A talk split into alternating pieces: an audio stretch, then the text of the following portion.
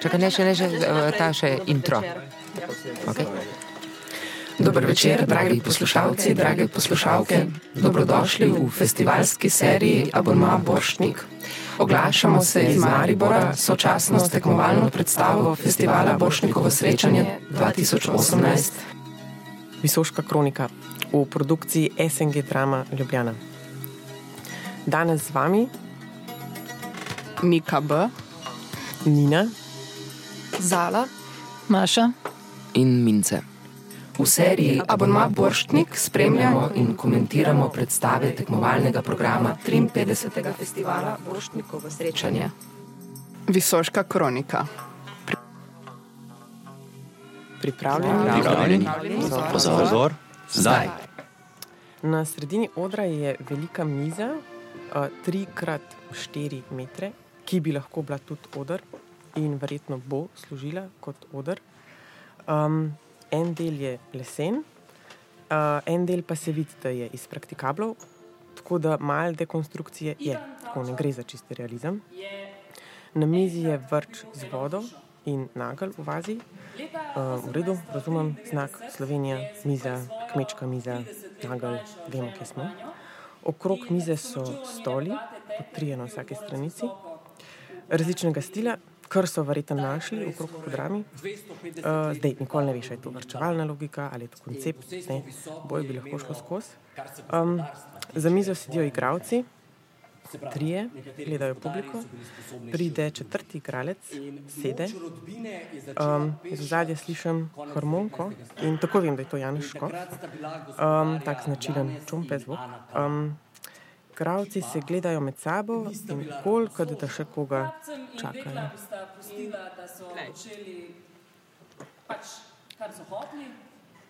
Klemen Janežič sede, z roko si gre uh, skozi lase, nasloni se, nosi rjavo obleko, igravci gledajo okrog in Nina Ivanišin uh, začne govoriti.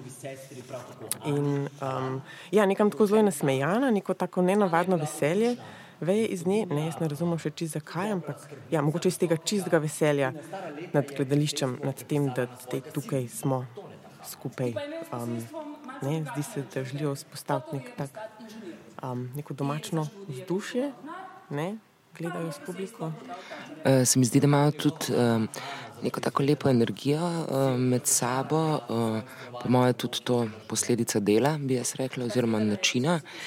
Uh, kako so se tega uh, lotili, torej se mi zdi, da je zelo osebno in da so drug drugemu nekako support, igravski.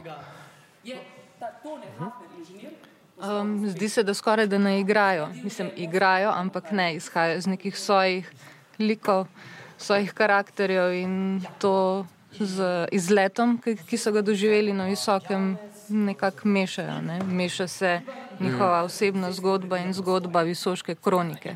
Saj zdi se, da bo to um, nekako koncept v nadaljevanju. Ja, v tem trenutku še ne pripovedujejo. Um, zgodbe Visoške kronike, ampak v bistvu um, govorijo o sami um, o, o Tavčarju, uh, potem kako so oni šli um, skupaj na izlet. Um, m, tako da zvemo, kaj pač je ta uh, visoko do nas. Ja, ta predzgodba se mi zdi, da je potrebna tako za njih, kot za gledalce, da dobimo neko kvir, ker gre vseeno za dosti razvejano kroniko. Ne? Pa ker se mi zdi, da včasih je v gledališču, zdi, ta samoumevnost tega, da bi kar morali vsi malo vse vedeti, uh, se mi zdi včasih zelo um, um, nehvaležna no? za potem nadaljne gledanje. Že meni se doskrat zgodi, da kaj gledam in če mi kakšne stvari niso jasne, mi enostavno ne morem več na isti način spremljati predstave do konca. Ja, jaz berem recimo tudi to, da si oni vzamejo čas, ne, se pravi, predstava sama že nekaj časa traja, več ur. In ne samo to, v bistvu si oni vzamejo uh, čas, predno se sploh na nek način uradno šele začne. Kar je pa tudi redkost, ker se mi zdi, da se v predstavah doskrat teži, da da se k temu, uh, da se nekaj hitro pove, da, da se čim prej naj zgodi, da naj bo dramatično že na samem začetku. Čeprav seveda je pač dramatičnost tudi uh, tukaj. Predvsem zato, ker se sprašuješ, uh, kje se zdaj konča njihova zasebnost in začne igra. Uh, kar se pa v bistvu potem sprašuješ um, celo predstavo, ampak le dajo nek nastavek. Zdaj, sicer smo šli že malo naprej v predstavi, ampak uh, to, ki je zasebno, nekaj je javno ali pa nastop. Uh, To je ravno Klemen Janežič tek pred tem ustavil, prišel na rampo odra, kar pa je zelo gledališki moment, ne? zelo je performativno, potem naenkrat nastane, kar je nekaj, kar se dosti krat pri teh mržih med liki, igravci privat dogaja. Uh, um, da, da, da se neka pretirana teatralnost zgodi potem v vstopanju v te like ali pa v momente zgodbe. No. Um, sploh, ne vem, kje pa smo na točki zgodbe, sploh zdaj. Mislim, da še le na začetku, da so še pri izletu. Ja, v bistvu zdaj um, Tamara Augustin, um, um, ki je pač tudi iz, iz, iz povedala, da je to neskofiloka in da je bila ona v bistvu um, zadolžena za ta uh, izlet v, v Škofijo. Loko. Ki ga je ekipa naredila v um, procesu raziskovanja Visoke kronike, torej so se odločili za, um, za pač ta skupen izlet, verjetno tudi malo informativne, pa malo tudi družabne narave. Ja, pa mogoče tudi, da nekako um, padejo v like, podoživijo visoko okolje in je potem mogoče prehod lažji. Um, bi pa še dodala to, da se zdi, da izhajajo delno iz neke improvizacije, ne? kot da tekst ni rigiden, vsaj v začetku. Um, nastavljen približno in potem zvaden skozi pač proces uh, produkcije, ampak ne prav zares določen. Ja, tu bi se jaz navezala, ker si rekla, improvizacija je kon, kon, konec koncev vse nekaj, česar v drami na velikem modru nismo v taki meri vajeni ne? in lahko nekako rečemo, da je visoka kronika po kralju Ibiju v bistvu drug tak uh, primer. In se mi zdi ravno ta uvod, da ga moramo gledati iz naše strokovne perspektive in iz perspektive nekih abonentov. Uh, se mi zdi, da uh, kako, kako se recimo njim predstavlja nek uh, princip improvizacije, ki je sicer seveda na nek način pripravljen in naučen, uh, ampak hočem to reči, da se vsekakor v tem more. Uh, prepoznati neka uh, širša gesta v principu. Se pravi, da to gledamo v drami na velikem odru. Da ne gledamo zdaj to v mladinskem gledališču, niti ne v gledu, ampak uh, drug kontekst vzpostavi vse to. Uh, bi sem še omenila, da se zdaj na odru vidimo uh, Klemna Janežiče, Nino Ivanišin, Tamaro Augustin in Aljaža Jovanoviča. To je tudi neka ekipa, ki uh, v veliki meri so med sabo. Že imajo nek odnos, ker doskrat delajo skupaj, in se mi zdi, da potem mogoče ta način, o katerem si ti govorila, Zara, da, je, um, da je tudi posledica že sodelovanja prej, razen Klemen Janežič, ki sodeluje z Jrnejem od vseh igralcev prvič. Torej, to je... To je ekipa, ki z Jrnejem Lorencem, režiserjem, tudi predstave dela večkrat. V taki zasedbi in tudi ta uvod in način vstopanja v predstavo, kar si Zala tudi te govorila, je v resnici zdaj pri Jrneju večkrat že viden, neko polje zanimanja, ne vem, vstopanje v predstavo, kontekstualiziranje, ki ga on kar um, preizkuša no, v svojih uprizoritvah toliko lažje najbrž. In če smo se na začetku pogovarjali o neki energiji njihovi med sabo ali pa o atmosferi, ki jo ustvarjajo ravno zaradi neke stalne ekipe, ne, ki tam skupaj dela. Ja, zdaj uh, v zgodbi trenutno smo ravno, uh, Klemen Janežič ravno razlagal, v bistvu, kako je pač Izidorju ta lik očeta, kako mu je pač to zdaj pomemben, kako se v bistvu pač sprašuje, kdo zdaj je ne, njegov oče. In, um, tako, ja. Pa na tej točki je mogoče tudi že jasno gledalcu, da bodo igralci padali iz vloge v vlogo, da ne bo fiksirano, da bo, vloga ne bo fiksirana na enega, ampak da bo to fluidno. Um, in mogoče je to tudi lažje početi, če je ekipa uigrana, se pozna odprej, kar smo že omenili. Um, ja, in to je nekako začetek. Ja.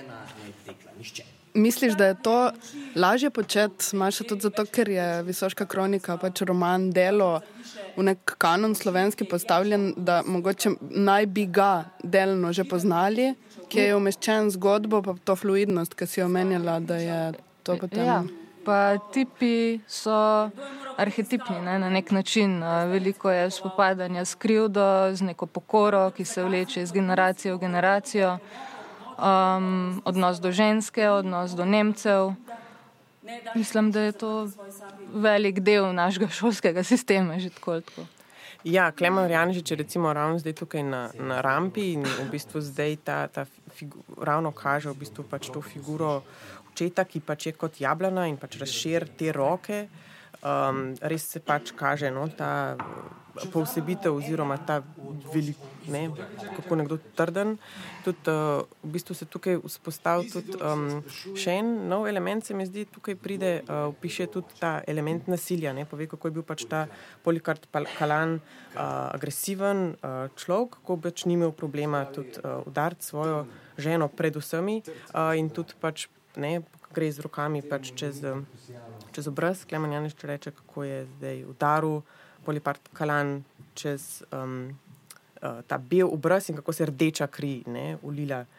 Uh, in se mi zdi pač ne, ta neka estetizacija, bel obraz, rdeča kri. Um, ne, jaz pa pač pomislim na to, da je prebunkan obraz naslednji dan, ta neka um, ne, občutek. Pač.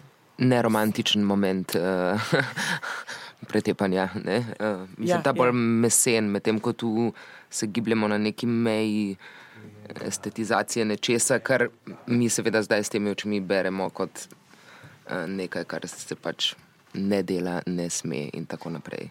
Ampak, ko spostavljajo se tukaj neki bistveni elementi, se mi zdi pač tega, aha, ne, te, ta neka moč, agresija, um, ja, pozicija ženske, kar se v bistvu pač ti ne, ja. omenila prej.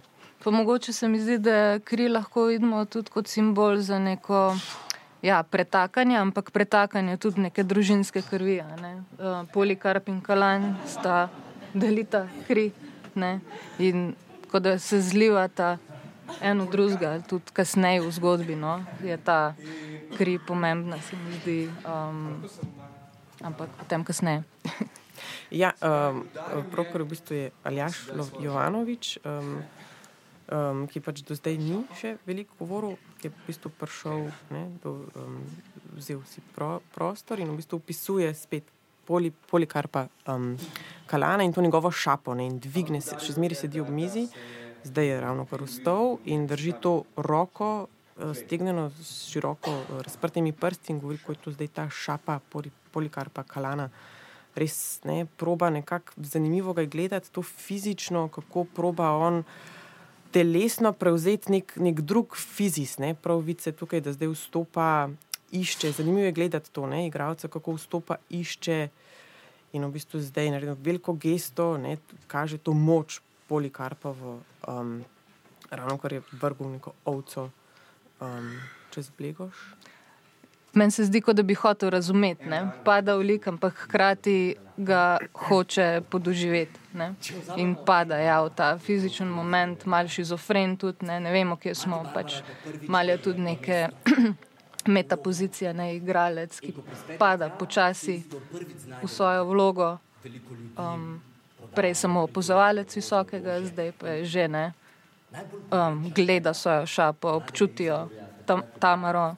Augustin nastavi kot rekvizit, da sproba to šapo ne, ja. v tem trenutku. Ja, in tle se vzpostavi vprašanje, zdaj, ki se tako na nek način skoraj bi lahko rekli, da gre v nekem počasnem posnetku. Se pravi, se nas polasti neko nelagodje in nočemo tega gledati, hkrati vemo, da je to realnost. In se potem sprašujemo, kakšna je zdaj razlika, da so to počrtali, in kakšna bi bila razlika, da bi to preprosto preskočili.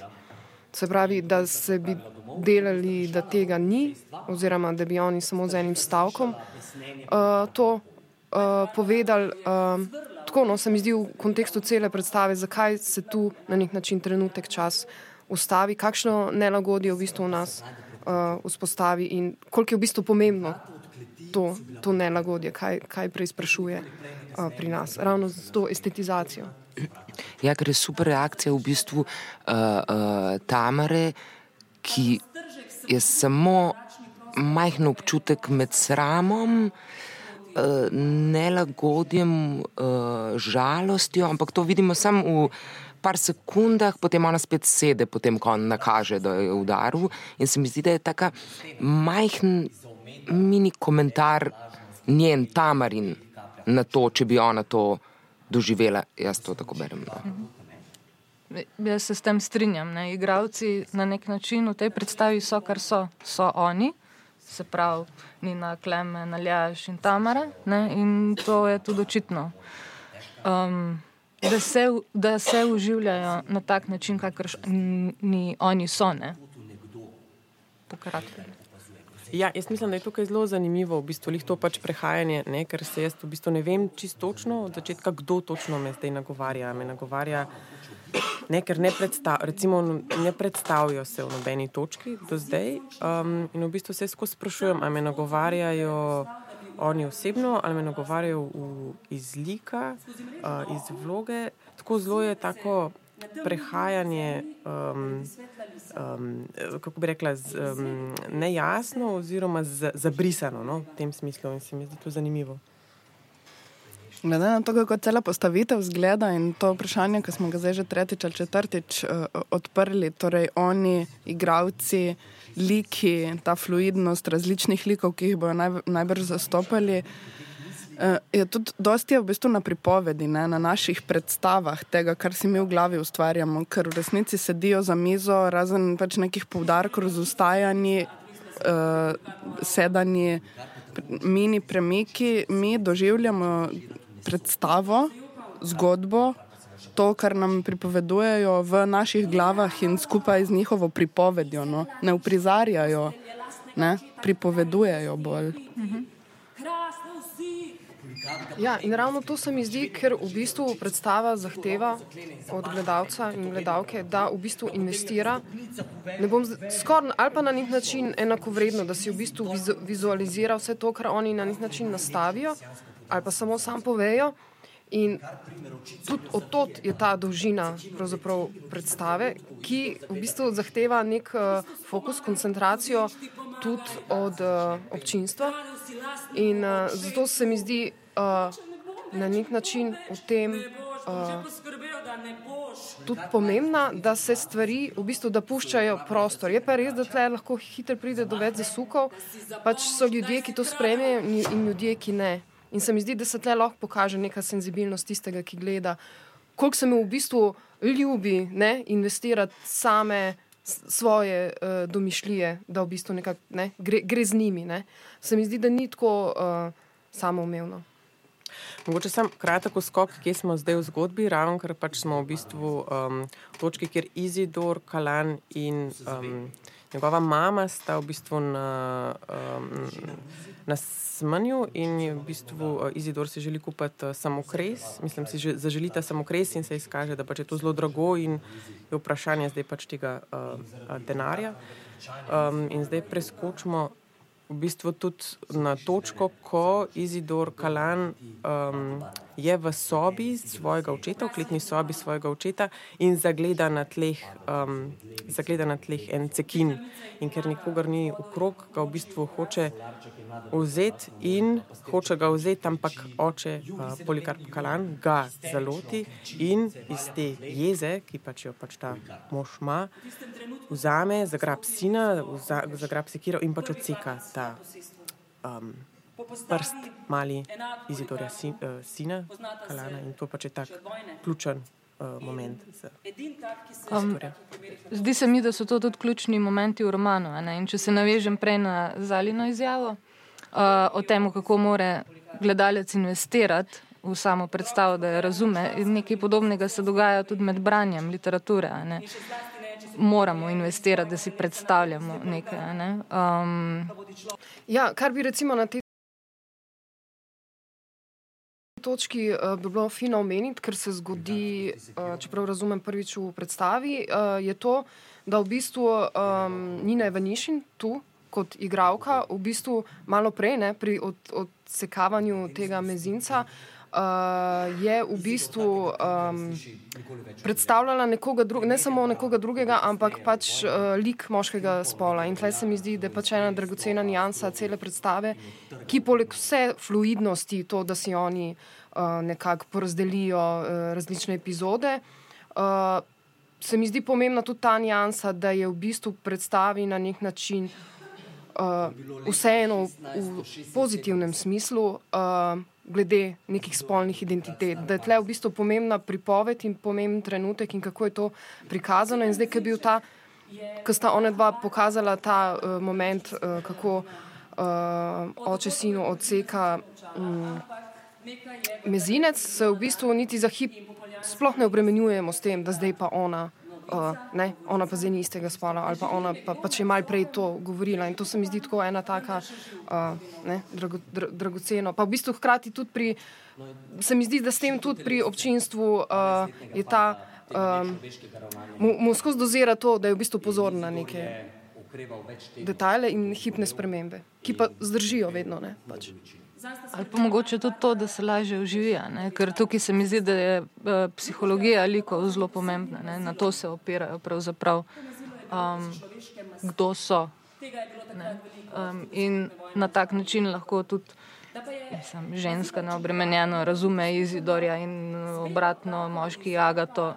Ne? Ni te meje, očitne. Ja. In, ampak smo tle, se mi zdi, spet, spet pri uh, kontekstu, ker uh, predstave pač gledamo v kontekstu um, institucije ali pa pač prizorišča, kjer uh, nahaja. Zato se mi zdi to pomembno, ker vseeno, recimo SNG drama Ljubljana, gledamo predstave, kjer uh, je moški moški, kjer je ženska ženska, kjer je pač uh, moška, moški star 30 let, ga igra moški 30 let. Se pravi, da se zelo. Red, redko kdaj pride do teh menjav, kar se mi zdi tudi uh, malo škoda. In tle pridemo na neko drugo vprašanje, za katerega bomo mogoče imeli potem kasnejši čas, ampak ga bom recimo sam nastavila, ker se mi zdi pač ta predstava eno takih, kjer, kjer se to lahko pač preizprašuje. Um, en dan danes uh, recimo se veliko krat reče, da ni napisanih vlog za ženske po 50 letu, ne? se pravi, da dramatika v bistvu take like eliminira, ampak po drugi strani je ravno v bistvu je važna neka, nek koncept ali pa režijska misel, ki lahko to popolnoma spregleda in zasede obratno. Ne? Ali da starejšo igralko v 20-letno uh, pač eh, žensko ali pa 20-letnico v starko. Zato, zato se mi zdi, da, da so take recimo, predstave pomembne in da se hkrati pa se zavedam, da vseeno to ni samo umevno, da se to na nacionalnem odru v, v, pač v drami uh, dogaja. Čeprav bi morali že biti, ne? ampak počasi to nekako se. Uh, tako, no, se mi zdi en pomemben vidik tudi branja te uprizoritve. Mimo neke vsebine, romana in tako naprej. Meni se zdi, da so to pomembne stvari, ker eh, take hiše ne, eh, z, eh, na vrhu, absolutno, jaz sem gedrama Ljubljana. Eh, imajo tudi neko, neko publiko, neko abonentsko, repertoarno publiko, ki se potem srečuje z nekim prizoritvenim jezik, jezikom in vstopa na polja tudi sodobnejših, mogoče v prizoritvenih praks, lahko z neko izkušnjo gledalc, gledalsko. Če smo toliko že v kontekstih, kar najbrž se kot gledalci ne bi spustili v kontekst neke neinstitucionalne scene ali pa že mogoče kakšne druge uh, hiše in predstav, ki se tam uprizarjajo. Tako da neka ta komunikacija, na kak način step by step se gleda. Ne, različne prizoritvene načine, in to se mi zdi, tudi meni, tudi iz tega stališča, pomembna gesta. No. Um, Klemen Janežič je zdaj vstal v bistvu od mize in spet, uh, je, spet je šel, prišel v bistvu na rampo, um, sprav bližji in govori. Um, Ponovno spet opisuje moč očeta ne, in ja. to uh, izidorjo navdušenje nad očetom, kljub temu, da ga je pač pohabil um, na nek način, odrezal, mislim, odsekal mezinček ampak ta pač moška avtoriteta je tukaj zelo močna in se vleče pač čez celo um, prizoritev in roman. Um, Ja, in tudi fizično, ne, večkrat vidimo te ja. Geste, Klemen Janžič eh, večkrat ponavlja te geste. Mislim, široko stop, široko stegne roke, dvigne roke, ta um, iska, ne, kot neka iskanje v bistvu pač tega fizisa. Um, ja, pravzaprav, da, da začuti to veličino polikarpa. ja. Um, Aha, tukaj je ta uh, zdaj moment, ko Izidor vrže na očetov ukaz, očetu okovano rokavico v glavo. ne. Um, in tukaj je spet ta element krvi, ki se zdaj zliva polikarpu po čelu in polikarp v bistvu spusti svoje solze in kri na roko uh, Izidorja, tisto roko, na kateri mu je odsekal mezinček. Ne. Se pravi, neka krvava zaveza, družinska, se zgodi Ki bo ključna tudi še pač naprej. naprej. Ne? Ja. Zdaj smo v 23, 24 minuti predstave. Um, recimo še ni bilo nobene lučne spremembe. In prej smo o doziranju govorili, pa je to nekaj, kar me vedno kot gledalko postavlja v to, da mi ful pomagajo. Včasih lučne spremembe, ne vem, mojo koncentracijo um, ohranjati. Um, Ja, zaenkrat je enaka, ne? ampak mislim, da v nadaljevanju bo luč mogoče kaj več povedala. Pa na tem momentu bi se mogoče še na sceno malo obrnila. Na začetku smo jo opisali, ne? tudi ta črn del mize. Recimo, jaz sem ga videla mogoče kot kot, v katerega bo šel Izidor oziroma Polikarp, ki neka črna, črnina, neka temna sila, ki se vleče čez celo dinastijo. Ne? Um, in nekako skozi, kot gledalka, čakam, da se nekdo usede v ta kot. a ne. In zdaj je tudi eh, Aljaš Ivanovič ponovno v vlogi Polikarpa in Šape. Zato pač čakamo, kaj se zgodi. Eh, Če si eh, zdaj ravno scenografijo omenila, Branko Hojnik dela uh, uh, sceno, delate z Jrnejem že skupaj, torej Jrnejem Lorencem skupaj že več kot 20 let, mislim, da krepko več kot 20 let. In uh, tekom predstav, pač tudi poetika Jrnejeva se seveda spreminja, ampak meni vsakič znova bolj zanimiva ta Hojnikova izčiščenost znotraj Jrnejevih predstav, ta nepotreba po odvečnem, uh, ta neke vrste tudi funkcionalnost, da je res dovolj samo to, kar je. V enem momentu sem se tudi mal hecala, ker vedno uh, Branko Rožman pa dela glasbo, vedno za Jrneja, oziroma vedno zdaj že tudi leta in leta, uh, da um, zadnje čase Branko Rožman, eh, Branko Hojniku dela scenografijo, ker doskrat so uporabljeni recimo sam klavir ali pa sam en inštrument in tako dalje. Um, Ja, na, na, tej, na tej mizi eh, trenutno vidimo Aljaža Jovanoviča, ki v bistvu leži uh, na, na mizi, uh, v bistvu zdaj na boku. Um, tako zelo je taka čustvena, doživeta igra, spušča glasove, nekaj pač je um, ne, v njemu, kar hoče pač iti ven. Um, ne, zdaj je pač vstal. Um, ja, in spet obišče, išče ta fizis, uh, spet stegnu roko, um, ta šapa, kako zdaj pač polikarp, kalan za grab. Uh, in v bistvu, kar je meni zanimiv moment, ta, je, da v bistvu zdaj smo se v zgodbi vrnili nazaj. Ne? V bistvu ta moment, ker je Klemen Janežič približno deset minut nazaj opisoval, uh, kako polikarp kalan odseka roko um, Izidorju sinu.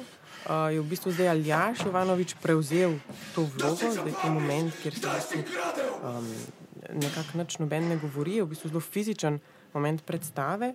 Um, Aljaš Jovanovič je prevzel v bistvu vlogo Polikarpa Kalana in v bistvu um, ne, imaginira to sekiro in tolče um, ne, po, po zraku, seveda imaginarno, po sinu in gleda zdaj to svojo roko.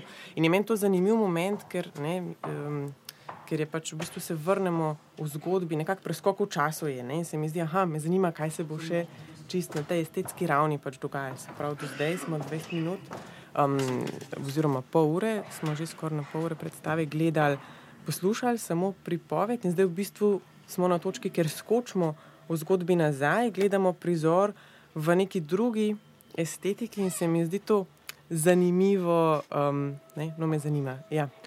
Je pa to, se mi zdi, nora ta šapa, koliko je to močen znak skozi celo predstavo in koliko je v bistvu malo potrebno, da ti prebereš vsakič znova isto in da ta en znak naenkrat nadomesti. Uh, celega človeka, no? ta ena šapa. Mi pa je tudi zanimivo, pač, ker ravno Aljaš, uh, da je noro, če recimo to, kar smo se prej o času pogovarjali, uh, ta pokrajina, se meni zdi, da se s tem časom zgodi to, da si vzamemo čas za zgodbo in da se tega ne bojimo. Aljaš pa je predvsem tudi v tej predstavi še ena pokrajina znotraj pokrajine. No? On si tudi znotraj tega časa, ki je, si tudi vzame pa še posebej čas. To se mi zdi, da prav pri Visoški, že kdaj prej, tudi recimo pri Bibliji, ampak pri Visoški mislim, da je to pa še nekje ja, se razširil ta ja, čas. Absolutno. Ampak zdaj, ki si rekla pokrajina znotraj pokrajine, sem se v bistvu hotela že prej navezati, ker je ta en moment, uh, ko uh, Aljaš Jovanovič stopi uh, na mizo, se v bistvu spostavi najbolj očitno ta odr na odru, ki se seveda povezuje z estetiko uh, hojnika hkrati in to redukcijo, o kateri si Minca govorila. In seveda za nek princip, ki smo ga v bistvu videli zdaj že v nekaj Lorencevih predstavah, od Iliade, neki momenti v Kralju Ibiju, potem v Bibliji. In zdaj tu se pravi, da uh, določen uh, igralski par ali pa igralec, igralka uh, vstopi v nek center tega odra in v bistvu uh, so igravci in so igralke postanejo njegovo občinstvo. In se tle pač potem nekako preplete, tle lahko potem konc koncev pridemo do, na nek način te osnovne teorije igre v igri. Ampak uh, gre tudi za to, to, kar smo se prej spraševali, kje je zdaj njihova zasebnost in kje je njihova uh, zdaj že uh, igralski nivo vstopi not. Uh, se mi zdi v tem načinu, kako oni opazujejo. Uh, tudi, ko sem gledala, ne vem, recimo spomnim se pri, pri ne vem zakaj, pač pri kralju Ibijo najbolj, ko je imel kdo pač ta um, svoj nastop in si gledal uh, igralce, kako so ga opazovali, so v bistvu se na nek način. Ih včasih tudi to prevzame, čeprav potem se sprašuje, mogoče oni zdaj nočejo preveč um, izražati ne, svojega mnenja ali pa pač nekih emocij, ki jih takrat doletijo. No. Ampak se mi zdi, da se ta privatnost le še razcepi, še na, na, do, na dodatno. Poleg tega, da je preizprašuje, kaj zdaj ta igra v igri pomeni čez znotraj in te pokrajine in časa in čez neke uh, percepcije. Um, Meni se tudi zdi, da so, um, pač so igravci Joanoviča nekako uh, fascinirani z njim, da, da se tudi za njih ustavi nekako ta moment. Uh, pa še to bi omenila, da glasba se pojavlja ob najbolj temnih momentih. Uh, se pravi, trenutno v temni sobi Polikarpa. In nekako se mi zdi, da z čist minimalistično gesto poudarjajo to grozljivost oziroma atmosfero neke ujetosti v temo. Ne? Ja, in se mi zdi, da ta grozljivost in atmosfera pride iz teh, mislim, tu že uh, pri visoški kroniki in oprej, recimo, ali pa v Iliadi, če mal uh, povežemo, ne, kako v bistvu, kakšna je funkcija uh, glasu. Ne. V bistvu tle je tudi bilo zdaj le par, uh, trije kriki so bili vmes, ki so v bistvu na nek način grozljivi in si rečeš, da nobena situacija, dramska situacija skoraj ne more tega presežiti, ker je to na nek način tako primarno. Ampak v bistvu sama pripoved, se pravi princip cele predstave, uh, je v bistvu zanimivo razmišljati, kje, kaj je glavna vloga ali je v bistvu igralčev glas ki je pripoved, ali v bistvu njegov fizis, oziroma zavedamo se, kak, kako veliko vlogo ima v bistvu uh, glas, oziroma kako artikulacija glasu in te nianse zahteva od take uprizoritve zelo prisotnega in senzibilnega in v bistvu tudi uh, z veščinami uh, opremljenega izvajalca in izvajalca. Ja, mogoče jih ta re, redukcija ne, na sam krik uh, v bistvu izčisti, izčisti čustvo, ne, ki ne bi ga podali. Um, Nika, Prvič slišimo Tamaro. Um, Na ja, 32 minut. ja, na, na, na 32 minuti je v bistvu Tamara Augustin. Um, Um, začne, začnejo v bistvu govoriti, in spet, recimo, nas vrne uh, prej s temi kriki, ki so bili ravno omenjeni. V bistvu se je zaključil en performativen kos, in v bistvu zdaj s Tamaro smo uh, zdaj vstopili v neko novo, um, pač novo točko, in tudi ona nas vrne zdaj spet v današnji čas, ne spet pove, da smo um, škofiloki, pa uh, to so toče, um, so toče, ne opiše. Um, in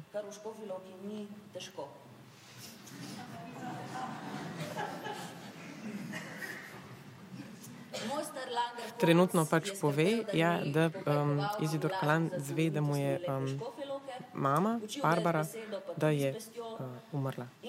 Kar je spet en tak um, moment ne, um, smrti. V bistvu ga družina ni niti klicala nazaj na visoko, ne? kar je še bolj pomenljivo, v bistvu smrt ženske. Um, mame. Ja, mame, ta, tiste, ki ga je rodila, pač ni zabeležena, nekako izpuhti, gre mimo njega, ne? steče mimo kot sora. Zbirališče mladine v vikendih.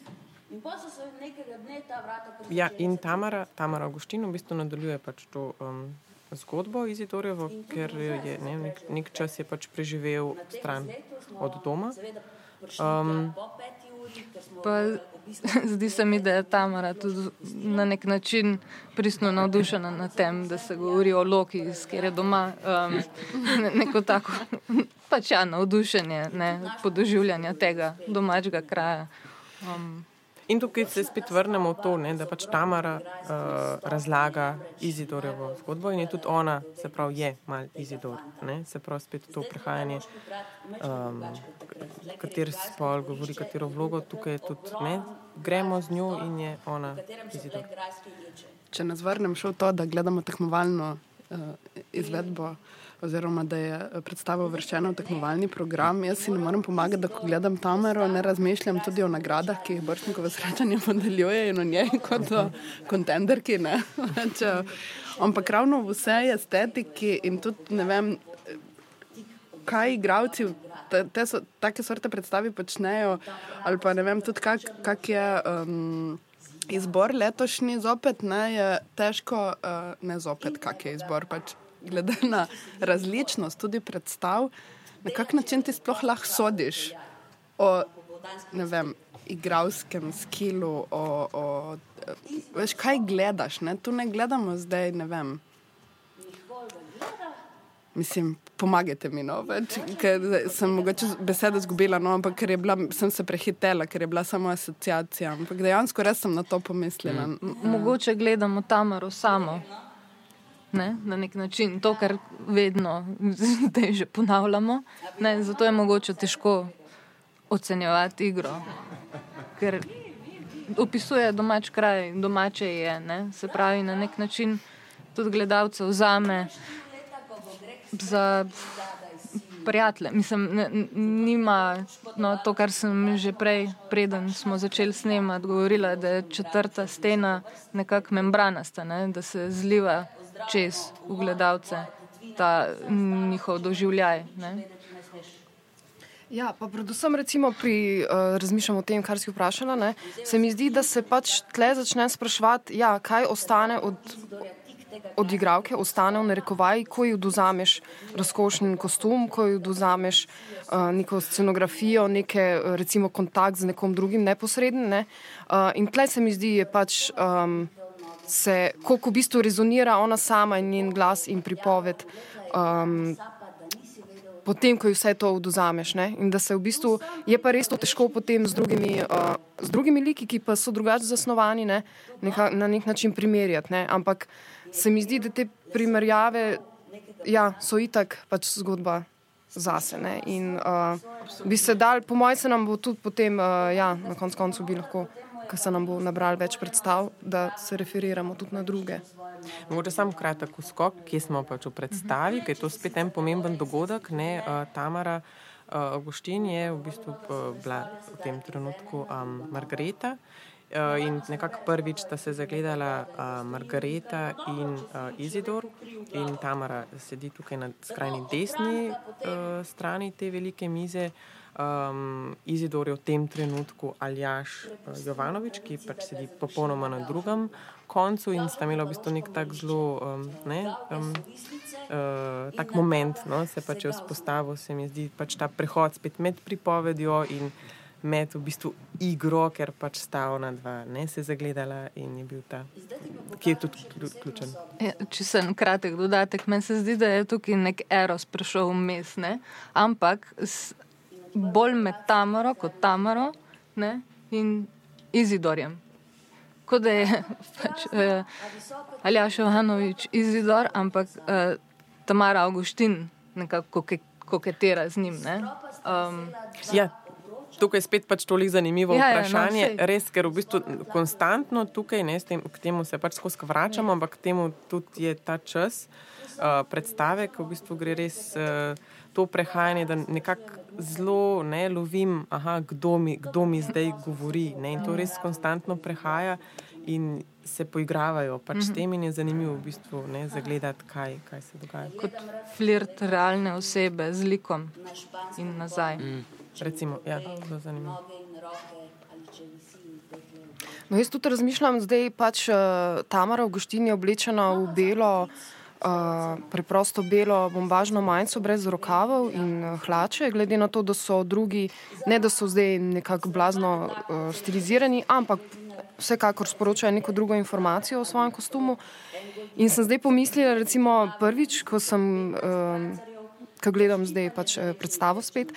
Um, ne, bela, v bistvu ta bela srca, ki jo ima ona oblečena, um, ena od teorije, da je v bistvu to simbol za nasilje nad ženskami, izhaja pa iz uh, vloge Brandota, ki je igral Stenja Kovalskega v uh, Trame poželenje, kjer on svojo ženo pretepa in ima to znano. Um, tak, to, to, ja, to, ki se je v bistvu potem tudi v ameriškem okolju v bistvu regenerirala kot nek znak. Ne? Se pravi, moški ki, imel, moški, ki je imel to oblečeno, je v bistvu sporočil um, na nek način, da, da ima pre, prevlado nad svojo žensko, da je celo se nad njo fizično. Uh, Ja, ja, tako, ja. Zdaj ne vem, mogoče je to slučajno, mogoče ne, ampak sigurno je tlezi vprašanje, zakaj je ona oblečena uh, vseeno drugače od ostalih. Več moči v rokah, nego v glavi. So jezi, jezuiti kmalo pisali. Mhm, tukaj smo v bistvu spet um, um, razlagali, še, še vedno Tamara Augustin, ki ima tukaj v bistvu nek ta sklop daljšega monologa, ne, še vedno pa če zdaj ona na potezi uh, in v bistvu opisuje um, Izidorjevo prvo srečanje z ne, nagrado, z grajsko ječo.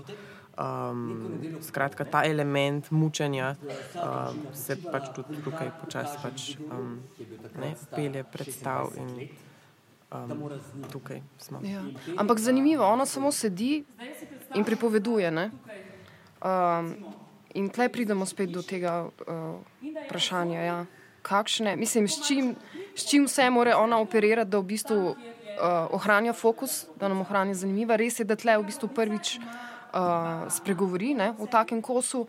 Um, ampak tako, ne, če se banalno vprašamo, ona sam sedi in pripoveduje. Ne, ampak mm. v bistvu vidiš, koliko je nekih twistov, nekih notranjih nijans, da ona ohrani. Dramatičnost v tem, da ni treba mahati z rokami, da, treba, da ne potrebuje glasbe za to, da je ne, zanimiva. Se mi pravno tam razdi en ta, ki pride na vsake toliko časa, uh, primer igravke, kako bi to rekla. Uh, Mene je ona čisto fascinantna, no? meni osebno. Uh, tudi me je zanimalo, kakorkoli to je uh, odr drame in zdaj ona pride kot gostja v resnici z akademije. To jaz mislim, da je za kogarkoli velik izziv. Jaz nisem za sekundo, ko sem gledala predstavo in zdaj, ko jo gledam drugič, za sekundo pomislila o kakršni koli razliki med njo in ostalimi štirimi že v bistvu prekaljenimi v marsičem, uh, ne, uh, navajeni uh, uh, vsega, igravci, niti za hipec nisem ločila nje od njih. In ima tudi nek, neko staro dušo v najboljšem smislu, no, uh, možnem, ima Tamara. Se mi zdi, da, da nosi malo tega škofovskega malo te stare duše že od nekdaj in da ne vem, ne razlagam najboljše, ampak. Kot da bo to, vedno enaka, kot da se ne bo spremenila. Ja, ja, in kot da nosi to neko resnico, in da ona tudi na ta način, ko ona govori, je toliko nepotvorjeno, se mi zdi, na, v tej uh, v visoški kroniki. Neposredno se ti zdi, da brez problema, da brez zadržka. Meni je ona nora, fascinantna. No. Ja. Ja. ja, vsekakor je pač ne, gledati ta, to neko tenko sproščenost, kako si vzame kdo prostor. Um, ja, je, je neka taka posebna kvaliteta. Um, se mi zdi. Ne bo zajedel, ne bo zaigral, ne bo zadolžil, ne zapravil in izidor mu obljubil. Smo pa v trenutku, um, Klemen Janežič sedi za mizo, ne, se pravi, še vedno imamo miza, uh, stoli, igravci okrog, ključne spremembe, do zdaj še vedno uh, še ni bilo, skratka od začetka predstave do zdaj, ko smo v 44 minuti predstave, je luč v bistvu.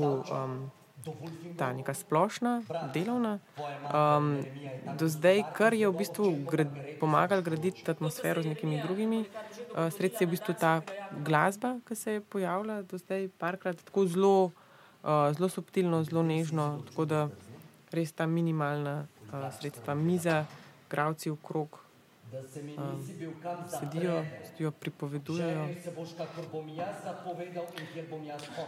Eh, vem pa, iz, ko smo se pogovarjali z igravci, da kljub temu, da to v bistvu deluje dost ležerno, dost malo, kot da smo intimno, kot da smo malo v dnevni sobi skupaj, ne? vse taka atmosfera je, da pa je koncentracija pa zahteva ogromno ta predstava. To so pa rekli, da zahteva prvič količinsko teksta res dosti. Uh, uh, improvizacija, seveda, je nekje tako rekoč zakoličena, to več ni improvizacija, čisto za res, verjetno se tudi gled, odvisno od igralca, so razlike, seveda, kateri igralec um, ali ima rad ali bolj vlada improvizacijo, kater se tudi rad drži nekega tega ustaljenega, uh, zapisanega oziroma dogovorjenega in zahteva vsaj v prvih fazah, po primeri, uh, vem, da je zahtevalo dost napora to igrati. Ja, ker jaz, recimo, ne, ko razumem to, kar si zdaj govorila, gre za nek ta sposobnost prisotnosti, ne? uh mhm. -huh. igravca in igravke na odru, takrat, ko ne govori, takrat, ko sploh ni v fokusu. In, uh, se mi zdi, da če, um, da če oni to nosijo in v bistvu imajo to kontinuiteto, ne? je to absolutno vpliva na, uh, ne, pozitivno na občinstvo in seveda na to, da občinstvo zdržite tri ure in pol in vse to. Ja.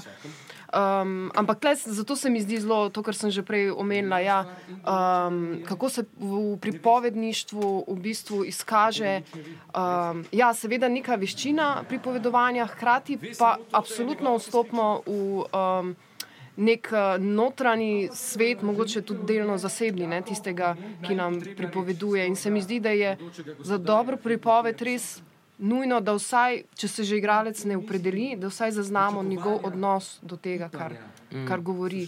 Da, da, da pač si rečemo, da ja, to je zdaj ta zasedba in če bi bil nekdo drug na mestu tega, to ne bi bila ista predstava. Ne?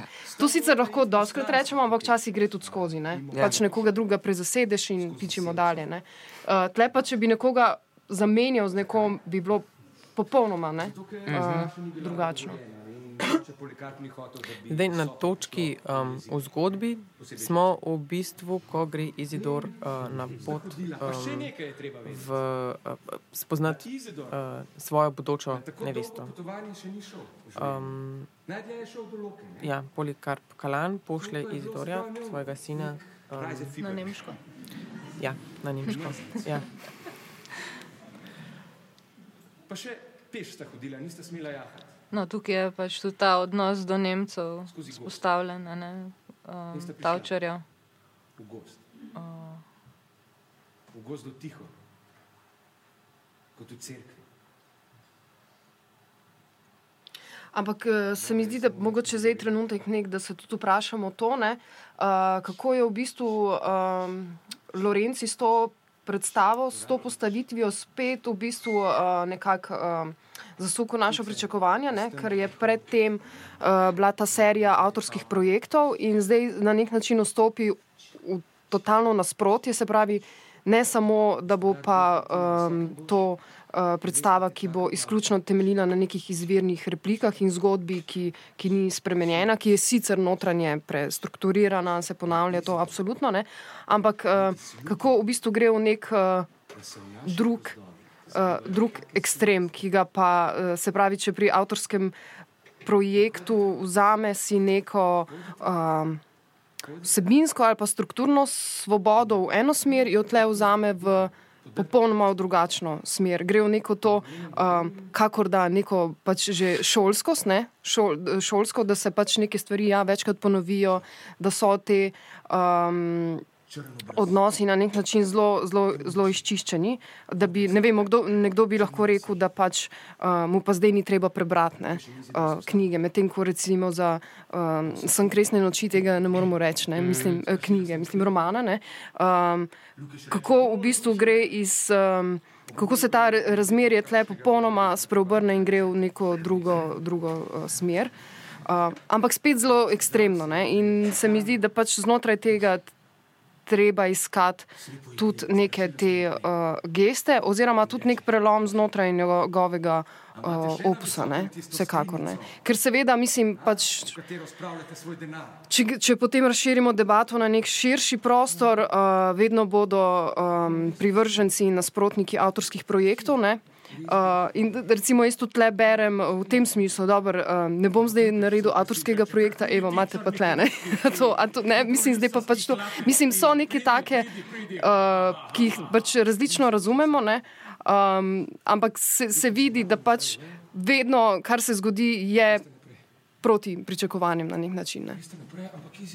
Meni je to, ta debata glede avtorskih projektov mi odpira pač to. Um, Kakšna libi rabi predstava ne? in to ga očitno ima, to ima res pač še enkrat pač delo iz nekega slovenskega kanona. Pač, in je uh, torej, lahko znotraj tega se igra z vsem, kar lahko, ampak je, je potem pa res vprašanje, ne? če pa ravno Jrnej in njegova pozicija v zadnjih desetih letih v slovenskem gledališču bi moral ustrajati ravno na avtorskih projektih.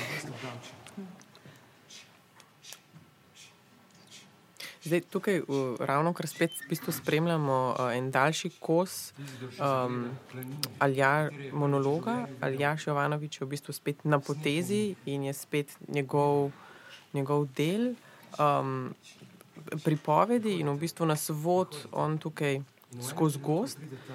In um, skratka, ta pot Izidor Kalan in Lukaš Gresta uh, spoznati uh, Izidorjevo bodočo nevesto.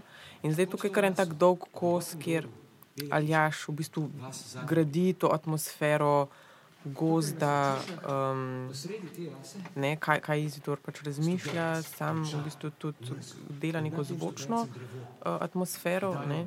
Um, um, jaz vidim to kot nek uh, mal komičen moment. Mislim, uh, Ivanovič doskrat uh, na nek način. Um, Kot da bi uporabljal neke prvine stand-upa, ne. se pravi, približuje z medmeti, z uskliki, uh, tudi zafrkava se, uh, pač um, oponaša določene glasove. Kasneje bomo videli, kako nemščino skozi džibriš, uh, preda naprej gledalcu. Um, in to se mi zdi, da je um, en del predstave, ki malo razbremeni gledalca. Um, zadeva je precej kruta, temna in tukaj nas malo vrne nazaj v, v tukaj in zdaj. Da, da gledalec vseeno, še vseeno čuti. Uh, tla pod nogami, ne? da ga čist ne odpeljejo te um, muke. No? Slovenske temine. Ja. Ampak se mi zdi tako nasplošno, ja, na nek ta princip ne, predstavi na nek način zasedba absolutno privržena temu, kar počne in hkrati vse čas notranja distanca. Ne. do tega, kar govorijo s temi nekimi um, pač vložki medmeti, ki jih jaz razumem kot neko to. Ne, komično, pač, da se ti malo komično Ja, ja. distanciraš od nečesa. Ja. Uh, in zato se mi zdi ravno to, ker oni v bistvu vse čas med tem preklapljajo, se potem lahko, kar je seveda že znano, prek nekega ne, smeha ali se razbremenimo, oziroma neko grožo, grozo še bolj uvidimo. Ne. Ker si recimo je težko zdaj predstavljati, da bi oni na hard igrali ne, tri ure po pol, totalno dramatično to uh, situacijo. In se mi zdi, da je nekaj, kar deluje na, pač na dramaturgiji, neki splošni, kot seveda čisto na zaznavi naši. Uh, kako potrebujemo, v bistvu, ja, kako v bistvu te uh, komični trenutki šele v bistvu um, podčrtajo, osmislijo in v bistvu pokažejo pravi obraz groze na drugi strani. ne. Ker Ja. Če bi bilo vse grozno, pa bi bilo pač vse Ja, ja. grozno. Ja. To me spomni na, na roman Portone Guta Mati Nočne, ki govori o drugi svetovni vojni, ki je tudi poln komičnih uložkov, ampak govorijo pa o eni najbolj groznih stvari. Ne? Se pravi, ta ironičen dodatek, absolutno, po moje, tudi poudarja. Ravno ne smeha, ampak ne tragiko. Se recimo, Aha, tukaj ravno gledamo zdaj spet v bistvu, ne, Aljaš Rovanovič zmeri v bistvu gradi to uh, pot, pot pač skozi gost in um, vstopa pač v neko, v neko novo, ne, nek, nek, nek tak trans pač se dogaja. Kleman Janežič v bistvu bobna po, po, po mizi. Ne, Aljaš Jovanovič pa v bistvu ja, je, gradi nek trans, pač se, se pač uh, dogaja in ja, nek, nek drug, v bistvu zdaj ta estetsko performativni nivo. Ne, pač, se pravi, če imamo momente, ko v bistvu pač popolnoma pač samo pripovedujejo in so oni, imamo te zdaj skoke v, v neko performativo in nazaj. Se ja, ta per, performativa se mi zdi, da nas um, vedno globlje in globlje vleče ne, v svet visokega. Um, in je na mestu, ne gremo k vrhu. Ne še čisto, no, smo še predvsej na začetku, ampak recimo, da se bo čas graditi ta veličina kronike. No. pa je ti kot eh, komparativistka, kaj, kronika, kaj je visoška kronika v našem prostoru? Mislim, eh, oprosti, meni je bilo prebrati fascinantno, vsakeč znova se navdušim, ko sem na nek način zunanje prisiljena brati nekaj, kar sem že.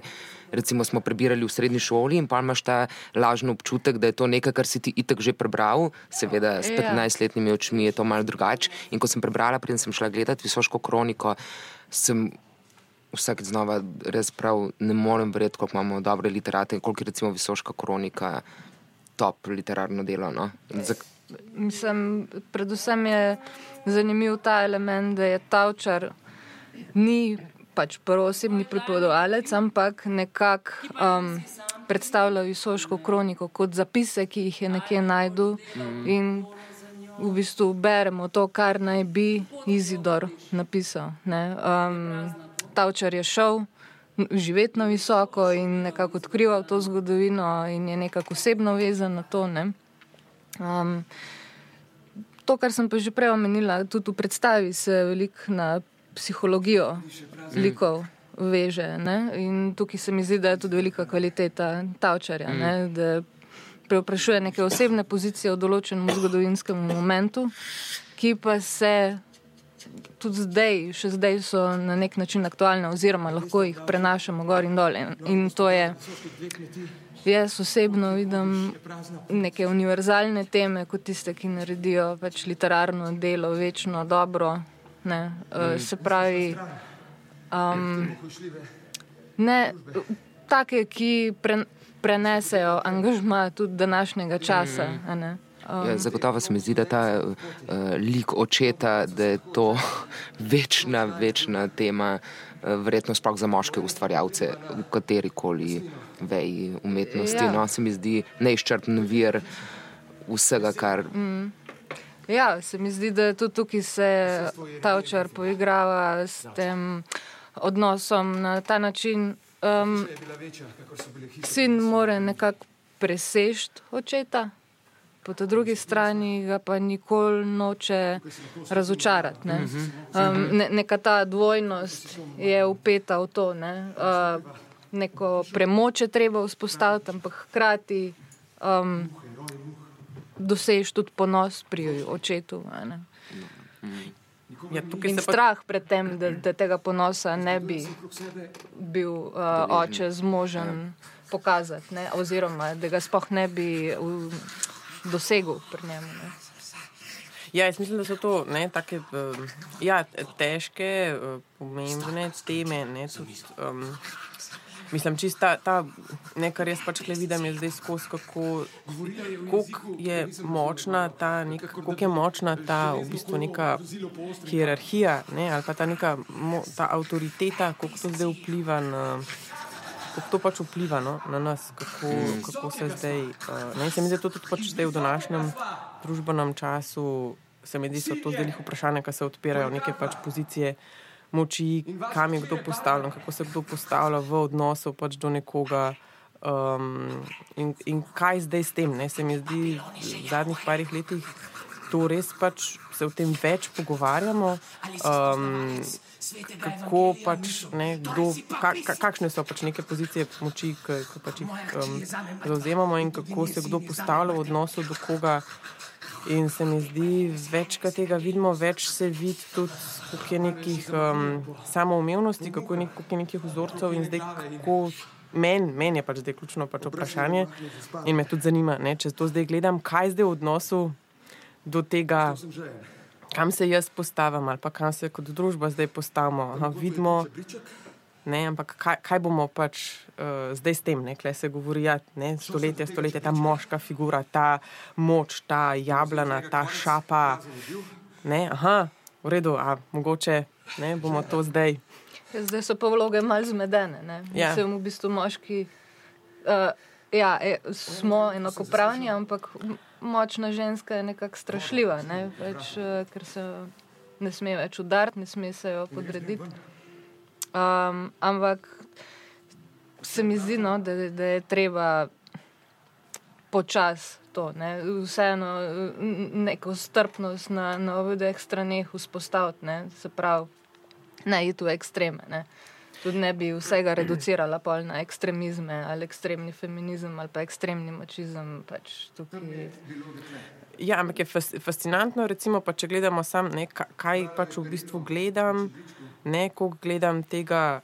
Ne, Ne, nek, kakšne modele gledam, no, to, to je meni pač tudi zdaj zanimivo. Kakšne modele uh, dajem tudi na oder, kakšne modele se reproducira, kaj gledam. Ne, se pravi, lihu, ne, če se vprašam zdaj tudi, aha, s kom se pa jaz, ne, kot, eh, s kom se jaz identificiram, jaz kot Nina, kot človek, kot uh, ženska, kdo je moj. Ne, um, ne vsem gledam tukaj pač neke moške, močne, agresivne s katerim seveda vzpostavljam jaz do tega ne, distanco in se pač zdaj sprašujemo, ne, kaj, kako. Ampak vseeno, pač tudi ne, vidim žensko, ki se jo pač ne mm, pretepe, ki se jo muč, ne, do tega uh, pridemo in je pač meni sam, ja, no, se sprašujem, kaj zdaj, ko to vidim, kaj, kaj se zgodi v meni, pa mogoče kako zdaj. To se mi zdi no vprašanje zdaj za, za prihodnost, kako zdaj obrniti, kako zdaj mogoče tudi kakšne slike kažem, da se mogoče eh, kakšen drug model, ne, ne, ki pač kar gledam, kako se to v nas, v, v telo, pač naseljen, kar sprejmemo, aha, normalno, to, kar je, ne, normalno, ja, ja, pač ne. Normalno je, da si je pač, ne vem, tudi prej, če skočim samo zgodbo, pač ful nazaj, ki je bilo, aha, ko se je rodil drugi sin, je Polikarp Kalan šel iz ne, klet, v svojo, svojo sobo si je pač izboril. In je bilo pač, ja, on pač ne bo šel v klet, imel bo svojo sobo, svoj prostor, in tako, in je bilo tako, kar ne, tudi se sprejme. Ja, ne. Ja. Ampak se mi zdi, da vseeno z naslednjo generacijo, ne, uh, Juri reši Agato. Ne? Ampak ne na tak način reši, kot ona uboga reva. Se, pač recimo, da ni znala plavati ne? in nekako. Pač ja, pomaga ji. ne. Um, ampak ne smemo pozabiti na to, da je Agata v bistvu kaznovana zaradi tega, ker se je postavila zase. Ne. No, To je recimo. ključni Ja. moment. Ampak, Ja. naprimer, Juri jo ne obsodi za čarovnico. Ne? On je nek ta zdrav razum in njega seme naj bi šlo naprej. ne, Pač. Človek, ki v sodelovanju z žensko, mislim, človek, pardon, moški, ki v sodelovanju z žensko, evo, to so pa te vzorci. No? Ja. Uh, pač ustvari nekaj boljšega, čeprav jih pol koga ne dobi, ampak. Oziroma, ja. um, recimo, da je nek minimalen premik tukaj. No. Uhum. Čeprav tukaj bi se feministke verjetno obregnile ob to, da je Juri rešni, eh, rešitelj Agate, ne? se pravi. Ampak jaz mislim, da moramo brati v kontekstu, v kontekstu ja, tudi nekaj ja. časa. a Veš, in, in potem ravno to prevajanje pa odpira vprašanje, zakaj tako delo danes postavljati, to, kar jaz mislim, da si ni na te. Ti za me inicirala. No? Tudi zdaj to misliš, veš, zakaj in na kak način se tega lotevati, ker prej sem pomislila. Ne, um, mislim, kaj pa če je ustvarjalčeva neka stiska, ne, m- ko- jer ne ja, kot moškega. Fantov, ki igrajo, pač, veš, kot moških, torej tega iz, vsaj v gledališču še najti to svojo avtoriteto in moč, ki je sicer, ne, malo se šalim, malo pa tudi resno mislim, da se na ta način lotevajo. Če gledam moške režiserje in dosti krat grejo v neke te teme, ne, um, ne zato, da bi izživeli moč, ki je v družbi več ni toliko sprejeta, da jo na ta način izkazuješ, no? ampak zato, da bi jo raziskovali v nekem, več mogoče nek generacijski prelom tudi tega, kaj je bilo v družbi bolj normalizirano, da si jo izkazi, izkazoval z pozicije moškega spola, ali pa zdaj ni in kje iskati to. Prej si godil, govorila Nina o modelih na odru, ampak tudi o modelih v življenju. uh, kako sprejemati no, te nove okoliščine. Um, Sam se mi zdi, da je pa tudi odvisno od tega, na kakšni poziciji je ženska. Ne? Mislim, pač zmeraj dosti žensk trpi nasilje, ne? pa so smrtno zaljubljene. Ne? Se prav, tudi tukaj ne? se mi zdi, da je treba ženskam že od malega nekako dopovedati, da ne sprejemajo te vloge. Ne? Se pravi, da, da se v zgodnih letih že vzpostavil ta enakovrednost, ne, ne da šele potem, pač, ko so stare 20 let. pogruntajo. No, ampak je Ne, taka ampak- predstava lahko tudi v taki funkciji? Recimo, no? pač zdaj Mislim- sicer govorim o neki njeni izobraževalni funkciji, lahko, ampak Ja. je veš, postavljena zgodba, kontekst drugače Ja. razumljen, kot je, ko je bil roman napisan. Ja. Lahko, na kak način jih vidimo potem v zgodbi. Mislim, če smo pregovorili tudi o tem, da je lahko ona v simbol. Uh, Upora žensk proti nasilju, kar si Ja. vzala, ti govorilo ne vem, tej spodnji majčki. Ja. Pa, ne. Veš, ali lahko beremo te stvari tudi na ta način, ali je zato relevantno tudi tako delo postavljati na oder danes. Uh, Ja, jaz bi podarila to, kar je tudi Minca prej rekla. Ne, v teh um, obraznih komentarjih so igravke, ne, neko nelagodje. Mislim, uh, Tamara v začetku predstave zelo jasno pokaže svojim obrazom, da to ni prav, da, da tega se ne dela. Tudi če ona prop, ne, v bistvu Jovanoviču, mislim, pokaže uno, ne pač. V bistvu zdaj bom tukaj za voljo predstave, se nastavlja svoje lice, ampak v resnici mi to v resnici zelo ne paše. Ne? In tudi na koncu, to se bomo pol. Si... Uh, no, zdaj. Aha, zdaj smo, ja, Ja. mogoče klele tukaj res eh, ne, spet en tak uh, uh, mon, monolog oziroma ta performativni um, vrh Aljaša Jovanoviča, ki ga pač uh, slišimo, izbruh, no hvala, ja, vidiš, izbruh tovče, zdaj tukaj po mizi. Tovče, res tovče te velike, velike geste, tudi pač v obrazu je čist, mislim, to je čist ne, nek, nekje druge.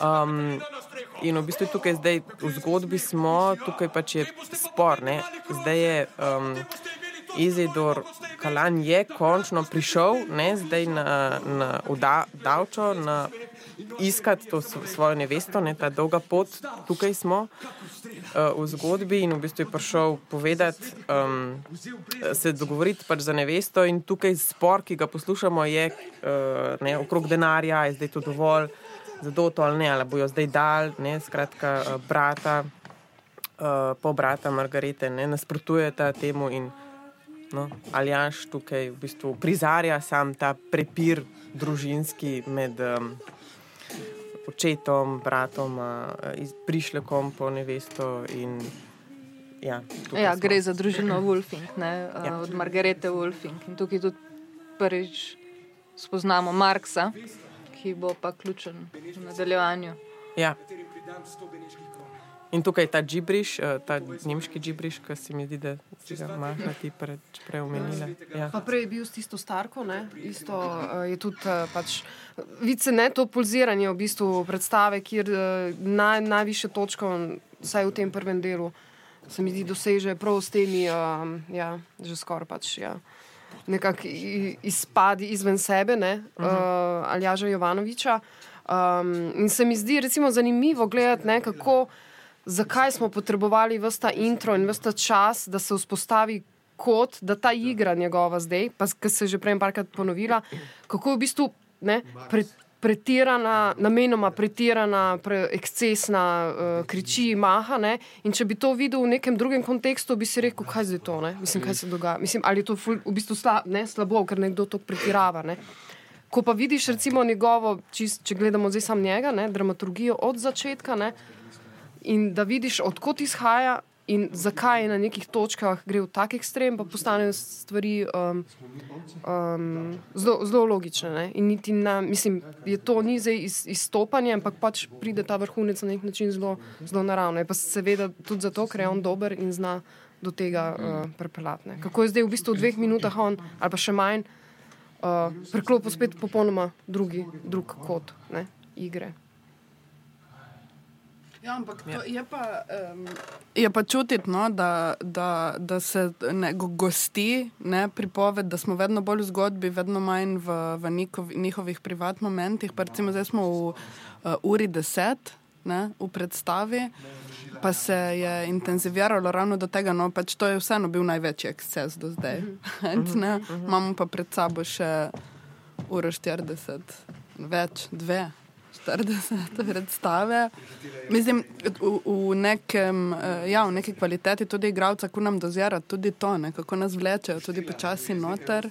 Ne. Eno je, kako ti nastaviš dramaturgijo predstave, kako so delali z Rnejem, z režiserjem, ampak res gre tudi za njihovo, kako nas oni peljajo. No. Ja, če si ti prej rekla, da ne gre za izstop, ne, sem hotel reči, da gre v bistvu za, za vstop. Ne, ja, v bistvu, ja, kada, ja. Uh, si tukaj ne, vzamejo. Mislim, za me je tukaj pač vprašanje časa, vprašanje trajanja se tukaj pač ne, um, odpira, uh, koliko časa si oni vzamejo skupaj z nami. Um, ja. Bila je posebej zala. In zdaj sedi, um, oziroma stoji. Aljaš Jovanovič, v bistvu na, na, na desni strani in drži Tamaro uh, Augustin, ki je Margareta uh, v tem trenutku z, ne, z, za rame. Um, zdaj gre okrog, okrog mize in v bistvu opisuje ta moment Margarete in Izidorja, ki sta ne, nek, nek stik. Um, njun pač med sebojni uh, se je zgodil in to je tudi pač ta en element, ki bo kasneje med sebojnih odnosov, kdo zdaj, ne te neke tragike, um, parov, kdo zdaj koga, zakaj ne in tako. Um, Ampak to, recimo, tega se mogoče še nismo dotaknili. Zakaj, mislim, tukaj smo se pripogovarjali. Um, Koncentracija občinstva in tudi pač njihova investicija, in seveda tudi princip same postavitve, kako se oni vse čas zavedajo, da to govorijo občinstvu, da so v stiku z njim, kar ni nujno ne, za vsako predstavo. In, um, se mi zdi, da, da je tudi uh, v tem, ker pač podrejo ali pa saj razrahljajo ne, ta nek navidezen zid med odrom in občinstvom, je to sigurno neka. Uh, Neka nit, ne, ki tudi drži, se pravi, ko uh, Aljaš Jovanovič iz tega nekega um, podivjanega prizora se umiri in pogleda občinstvo in nekaj reče, in se občinstvo zasmeji, in se tle neka. Pride do neke skupnosti, no, neke zaveze. Seveda, skupnost, ki ni v nekem smislu interaktivna, fizično ali pa dobesedna, ne, pa gre vse čas za to uh, njihovo, ja, njihovo misel. Vemo, da pripovedujemo vam, vem, da ste tu, slišimo vaše uh, odzive, smeh in to tudi na nas vpliva. Ne, kar pa ni, mislim, kar seveda so predstave, ki so narejene zelo z zidom ne, pred in, in so vedno iste, ne glede na, na, na reakcijo občinstva. Ki pa grejo tudi včasih na račun tega, da izgubijo za to občinstvo. Um, ker se mi zdi, seveda, če ti uh, igraš, to je zdaj moja pač predpostavka, če igraš predstavo in hkrati še v taki meri razmišljaš o občinstvu, da je to uh, izjemno naporno, ne? je pa seveda s tem se ta neka zaveza vzpostavi. Ki pa je predstava, kot je ta, se mi zdi, nujno potrebuje. Ne? Samo šest minut, ti si igral, kaj je to naporno. Ja, uh, je, ampak se mi zdi, da ko se enkrat ta nek uh, pretok vzpostavi, da naenkrat postane res lažje. No? Res lažje in nekako, ko imaš občutek, da se malo pogovarjamo, tudi če se ne s publiko. Naenkrat čas ima neko drugo dimenzijo, no? in naenkrat ni več malo važno, kdo zdaj kaj, ampak malo skupaj zadihamo in to se noro pozna no? na predstavi. Tudi celo pri, na predstavah, ki, so, ki niso tega tipa, ki, niso, uh, ki ne komunicirajo na ta način, ampak so zaprte, imajo steno, vse to, uh, četrto steno. Um, še vedno se ta flow lahko zgodi, ali pa ne. Pa, pa je kar grozno, v vsakem primeru. Tudi če je predstava zaprtega tipa.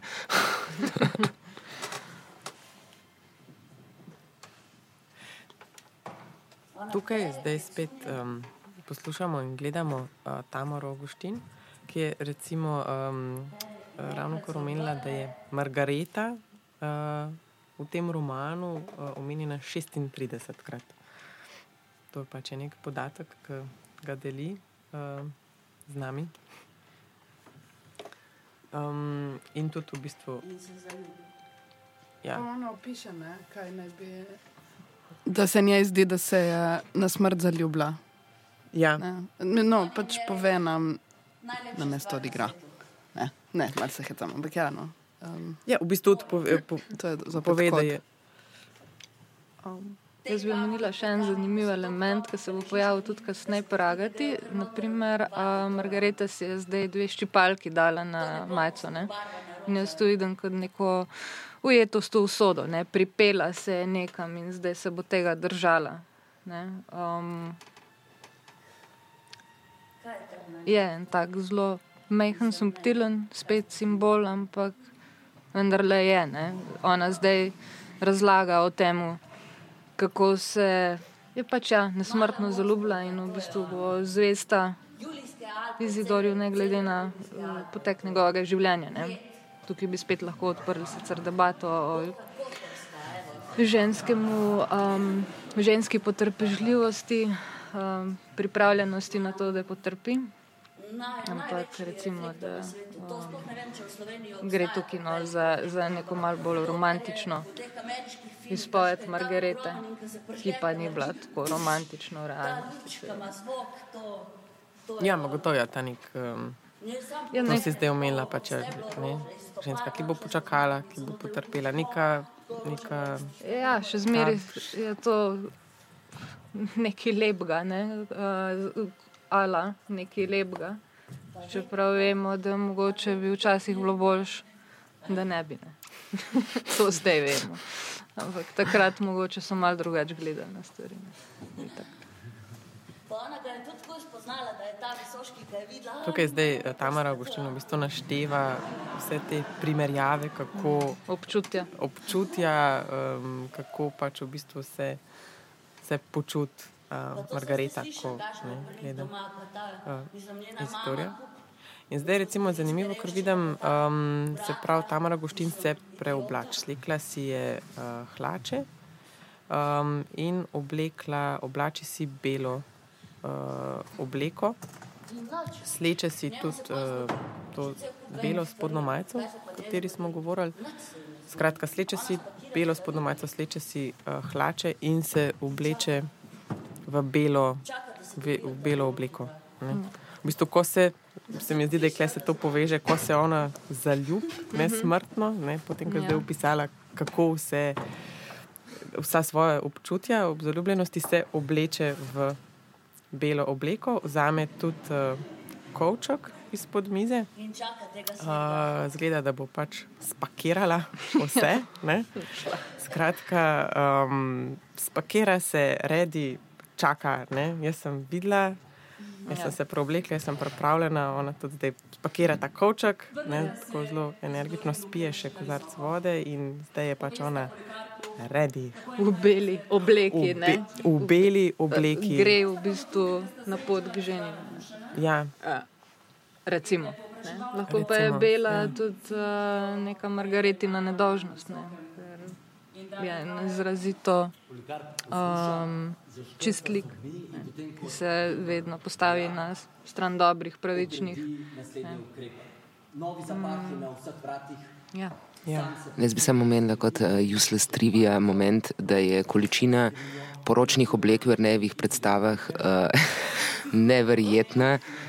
Skoraj se ne spomnim, ker ne bi, če ni prav, da je poroka, pa že vsa je obleka, kjer bi se zdaj, zdaj lahko poročili. Mislim, da Biblija da ni imela tega momenta, drugače pa je to nabor uh, od Belinde Radulovič, uh, kostomografke njegove. Je, Kar bi lahko rekli, da je Belindina izbira, ampak Jusle Strivija, jaz sem Jrneva študentka, ne? kjer smo se pa o tem uh, uh, parkrat, mislim, večkrat pogovarjali, ampak enkrat je on meni rekel, veš kaj, tudi ko pol več to ni imelo smisla ne? v predstavah in to, ampak je to naenkrat bila neka odločitev. Nekega podpisa, nečesa, ali pa nekaj, kar je meni pomagalo, da sem peljal skozi vse predstave, kot nek amuletek. Pač. In je potem nekje nehal. In zdaj sem pozabila, no, v eni od predstav potem več ni bilo in nekaj časa ni bilo poročnih mm. obrek. In zdaj smo se pač lani enkrat pogovarjali in je rekel, no, zdaj jih spet imam. Ampak jaz, jaz mislim, da nekje, da verjetno to je znak tega, kar si rekla, da ima ona belo kot ni nujno poročno. Tudi ni vedno na prvo žogo poročna obleka v njegovih mm -hmm. predstavah ampak bela pa je. Um, in jaz si to vsakič mal predstavljam, pač moško neskončno željo. Po, po nedolžnosti, ja. ki si je ne more pomagati, seveda bi imel tudi to drugo stran, ampak malo lažje sprejmem to, ta, ta belo.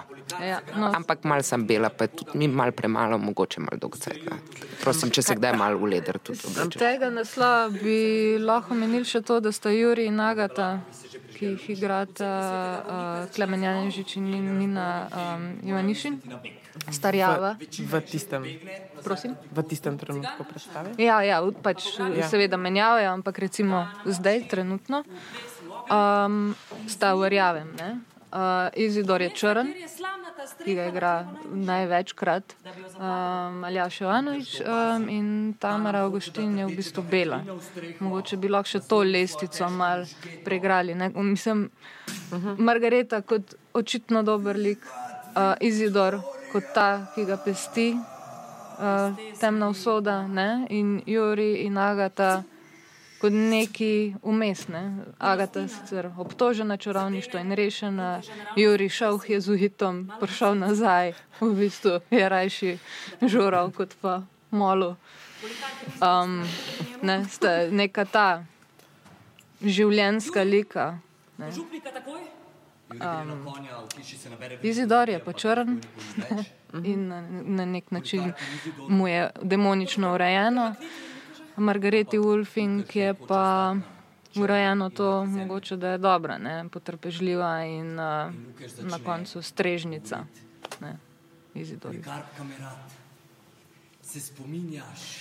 Ja, trenutno smo zdaj v spravu predstavi, smo, uh, vidimo, um, uh Nina Ivanišin in Klemen Janežič, oba dva čepita na tej mizi oziroma na tem odru. Um, priča smo momentu, ko uh, Lukaš umira.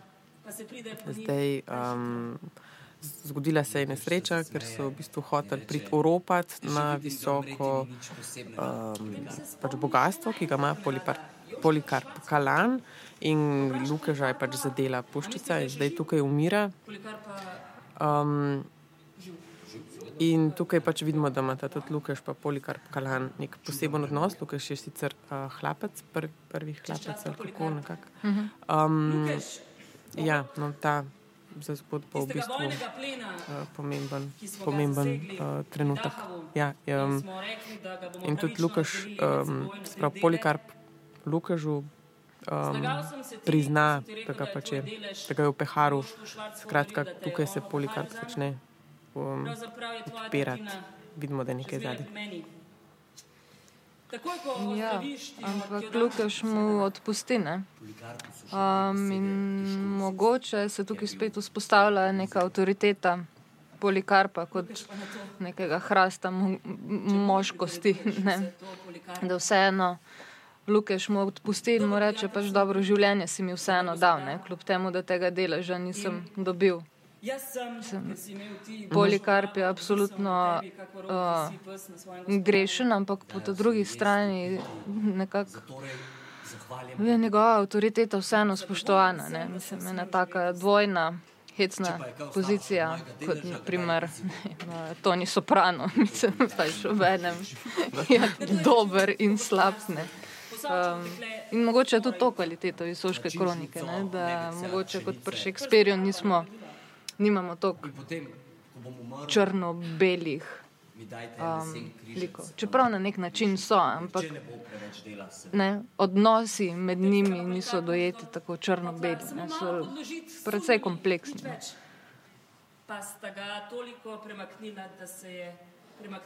Ja, tukaj še zmeraj Klemen Janežič in uh, Nina Ivanišin še zmeraj klečita na mizi, eh, še zmeraj klečita na mizi, še zmeraj smo um, pri dogodku, ko Lukaš umira in Polikarp dela v bistvu to refleksijo za nazaj, za naprej, kaj, kako. Um, in še zmeraj smo tukaj, ne Nina in Klemen Janežič, oba dva pač prehajata še vedno med, med pripovedjo, oba dva zauzemata oba dva zauzemata, sem citirata, stavčarja zauzemata, odigrata. In, in veš, čez tudi nek odnos uh, njun igravčev do teme, se mi zdi, do, ne vem, recimo v tem primeru žalostnega dogodka. Ampak samo malo, sem na obrazu, nijansice, to kot smo prej videli pri Tamari, ko smo se pogovarjali za ta uh, udarec, recimo.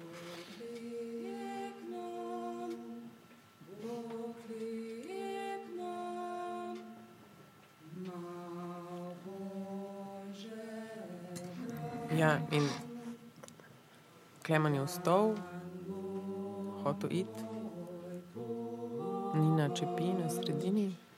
In poje. In pridružijo se ji tudi ostali. Ne? Ja, in zdaj je to tako večklasno ljudsko petje. Um, ja, to ljudsko petje, kot da bi bilo v funkciji enega, ene pomiritve. Um, nekega sprejemanja. Ja, kot ne, neko sprejemanje tega momenta, ne, zdaj smo v tej situaciji, uh, vedno se pojavi, se mi zdi. Uh, V ključnem momentu, ne, kot naprimer zdaj, jaz smrt Lukeža, Polikarp je priznal svoj greh. Če si skušal olajšati v boko dušo z govorico, Ja, in luč je še vedno, luč je še vedno ta ista splošna luč. Um, še vedno vidimo to veliko mizo, 4x3, um, en del je bit uh, z lesom, en del vidimo, da so praktikabli, kravci sedijo okrog te mize. Sedijo. To mogoče bi vaju, uh, Nika pa Eva, Nina, uh, glede na to, da ste režiserki in kar si čist na začetku rekla, Nina, vrčevalna logika. Ne, to bi se baju malo vprašala, glede na svoje izkušnje teh vrčevalnih logik, glede na to, da imamo tu revno sceno, ne mislim si, da prijer ne je ravno vrčevalna logika prva vedno. Ampak smo pa priča, mislim, da tudi doskrat kakim namigom, da morda bi to bilo super, če bi bila scena, ki ne bi zahtevala mnogo denarja. Mislim, jaz bom začela z anegdoto, ne, ne, da ko sem delala čest prvo svojo režijo um, v inštituciji, Slovenskemu narodnemu gledališču, sicer ne Ljubljana, ampak um, je, ko smo, ko smo prišli za scenografinjo k tehničnemu direktorju, predali skice, je on rekel, panika. Mislim, a nisi ti hodila na akademijo, pa se veš, da se predstava, da narediš z mizo pa dvema stoloma. No? ne, ne vem, je različno, je različno. No? Pač, uh, odvisno na kak način. Eh, bolje, jaz mislim, da je ravno to nekaj, kar spet lahko o produkcijskih modelih se tudi pogovarjamo, ker eh, kako naj ti vnaprej premisliš prostor igre in scenografijo in kakšna naj bo, pač tu zahteve, kdaj je treba ravno te skice oddati, kako naj bi se to delalo, kdaj naj bi bilo narejeno in potem nemožnost sprememb kasneje, glede na to, kako ti predstavo delaš, se meni zdi celo zanimivejše vprašanje, kar absolutno je potem povezano lahko z neko vrčevalno logiko. Ne. Ja, jaz mislim, da se kle zdaj odpira ful pačenih vprašanj. Mm. Ti si v bistvu odprla um, neka zdaj lihto vprašanje um, nek, nekega procesa v inštituciji, kdaj se lahko zdaj, kdaj, koliko naprej se moramo v bistvu za nekaj odločati, uh, ali lahko potem to spreminjam, koliko se da zdaj um, ja, kakšna je fleksibilnost in kako to vpliva na sam, na sam proces, na samo estetiko, možnost sprememb. Ker v bistvu vse procesi so žive, žive stvari, ki nastajajo skupaj v skupini, neke stvari se da premisliti naprej, neke ne. In to se mi zdi, da pač je ena, ena pot. Druga je pa tudi vprašanje, ki si ga Minca zastavlja, ne okrog. Ja, vrčevalna logika, ne, kaj se mi zdi, se tukaj odpira tudi um, Ja, recimo jaz osebno sem ne, zelo uh, ta nek uh, moja estetika, ne, čim, čim manj ali s tem, kar je, ali dajmo ne, reciklaža. Um, nekak, mi, mi je to blizu, se mi zdi, me, me to zanima. Um, je pa res tudi, da če grem gledati, mislim, je, ne glede na to, da je ločeno od mojega osebnega okusa ali pa zanimanja če grem zdaj v gledališče gledati, ne, ne, tudi ne morem jim tega, da vidim, da je vse en z. Da se pozna, recimo, da pač je namenjen manj denarja na splošno zdaj za, za, um, za kulturo, da institucije manj dobijo, da tudi um, ne, ne institucionalna scena manj dobi. Um, recimo, sam spet, no, recimo, nekaj anekdota, če zdaj skočam drugam, jaz sem zdaj ne, dosta enega časa preživela v, v Berlinu, pa hodila tam, v teh nemških teatrih, velikih enih predstav gledati. Spomnim se občutka, kako ne, um, pridem pač v, v, v auditorij, se usedem in pač vidim scenografijo in pač ne morem jim tega, da vidim, da je to. Aha, To je pač tam je par jurjev, tam je par jurjev. Mislim, to, da so zdaj prostor, ne cel auditorij, recimo, uh, vr, včeraj sem gledala eno predstavo, pa je bil auditorij tako postavljen, pa smo gledali na odru. Zdaj sem čez dva dni in je ta auditorij, vsi stoli ven in sedimo na auditoriju na, na, um, na tribuni, se pravi na odru in je scena okrog obrnjena. Pač jaz ne veš iz produkcijskih um, uh, pogojev, veš, da to je tok pa tok dela, tok pa tok ljudi koliko to stane. Um, in pač prideš v teater in pač um, ja, vidiš budžet, ki je nekje na voljo in kaj se da. In ne vidiš tudi, kako ga ni. Ne, ne glede na to, zdaj od moje osebne estetike, ja, to pač vpliva. Ne. Če jaz rada delam z malne, pomeni, da mislim, kam, kam pridemo. No? Če mm. pač bomo to, to vse pač videti tudi. No? Jaz kljub vsemu mislim, da ti si govorila o osebni estetiki, ampak da gre tudi za nek trend revnejšega oblikovanja scenografije. No. Mislim, revnejšega, pač, eh, skromnejšega, minimalističnega. Ja. Recikliranja. E, dobro, to je potem že drugi odvod, se mi zdi, okay, ampak gre mogoče za neko redukcijo v oblikovanju prostora. No.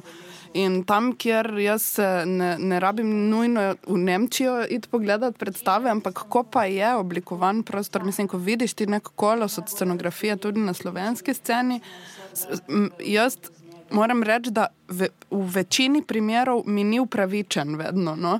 In, in nek ta razmislek uh, se potem vprašam, ali je umankal na začetku, ko se je zdelo, da je vse to prepotrebno, ali res toliko znakov ilustrativnih še rabimo, ker je dosti krat na ta način, ne? da je mogoče. Res ilustracija potem scena postane, ko je toliko kolosalno pač postavljena.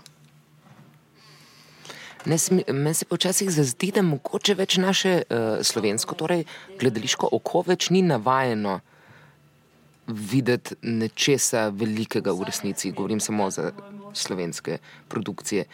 Da, ne vem, uh, pregint od Millerja naenkrat se meni zazdel, pa to ne všeč, ne všeč, ne govorim o tem, ampak nek kolos od scenografije, isti scenograf, ne, Branko Hojnik, da mi je bilo neuzdržno naenkrat, ampak kot količine nečesa na odru, ne znam povedati, mislim, hecno. In zdaj malo ne vem, ali je to nekaj, vseeno tekom let se navaditi, vseeno izhajamo pač vsi iz akademije, ker je prostor ena učilnica v resnici.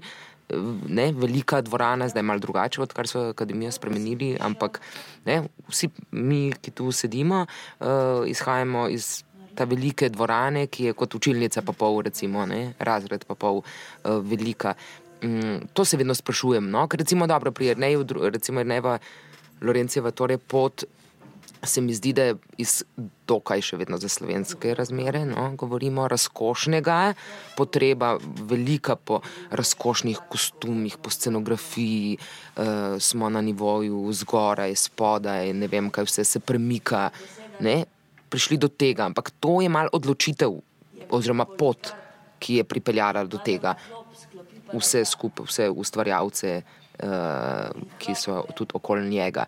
Eno se mi pa zdi, da včasih niti ne prideš do tega, da bi se lahko odločil, da, da je to odločitev, ampak je to pač nuja, oziroma sploh štart, iz katerega začneš razmišljati o potencijalni svoji predstavi, potencijalni scenografiji. Um, še to bi dodala, da vseeno ta miza, kolikor je že preprosta, ne, je kolosalna na nek način, ogromna je. Ne. In jaz v njej vidim gospodarjevo mizo, ne, prostor, okrog katerega se vsi zbirajo in okrog katerega se vse dogaja. Ne. Pač jedro um, teh dveh kmetij. In še zmeri deluje na nek način, mislim, velik del odra zauzema. Ne. Ja, ja, seveda, mislim, govorim sem kot. Uh, oblikovanje. Uh, uh, ne, ne, ne, kot uh, neka pojavnost v našem prostoru. Se, Meni se ta ja. izčiščeno zdi ta neka slovenskost, te mize, ob katero sedemo ob nedeljah uh -huh. in jemo, in se takrat vse pogovorimo, čeprav se ne pogovorimo nič. V večini primerov se mi zdi zato vele slovenski tekst, vele slovensko predstavo. Odlična v resnici yeah. scenografija. Govorim samo nekako drugače, zato pač, ker je tu toliko izčiščeno, pa mi je bila to nekakšna istočnica mm. za, to, um, za to vprašanje, za Niko pa Evo Nino. Ja. Ne, uh, mislim, ja, pač tle je res, uh, se odpira, uh, odpirajo različna vprašanja. Mislim, eno je, če gledamo tudi, uh, recimo, zadnjih 30 let, recimo, ne, kako je slovensko gledališče potovalo iz nekih. Uh, recimo, da um, dramske predloge v totalno gledališče podob in kako se zdaj na nek način spet vrača v to neko primarnost, to, kar sem rekla, glasu, pripovedi, neke izčiščenosti. Hkrati se sprašujem, koliko je ta reakcija gledališke produkcije nasploh ali pa gledališča kot medija reagira na to, da smo sicer zasičeni ne, v družbi podob, da so povsod slike, da so. Tako recimo, razumem tu, gesto Jrneja Lorencija, predvsem sem jo pa pri Ilijadi, kjer je šlo za koprodukcijo in uh, odr uh, Galusove dvorane, kjer smo na koncu koncu vsi pričakovali, to so zdaj trije producenti, uh, proračun je najbrž čisto konkreten in se mi zdi, da je, bil na, da je bilo na razpolago uh, marsikaj in tam se mi je pokazala njegova zelo jasna in politična gesta. Ne, naredil bom koncertno izvedbo, za hip vam bom pokazal, kaj bi lahko bilo, ko se dvigne gor, ampak samo za hip. In se mi zdi vrnitev k nekemu, to, kar smo prej govorili, ne k sliki, ampak skupnosti, k besedi, k poslušanju. To, ja, zdaj boste tu tri ure in boste poslušali. Ne? Se pravi, to, kar se, uh, ali si tudi mogoče mi, ki smo malo navani, si še vse ne vzamemo časa v realnem življenju, kaj šele nekdo, pač nek. Uh, abon, abonent. Ne?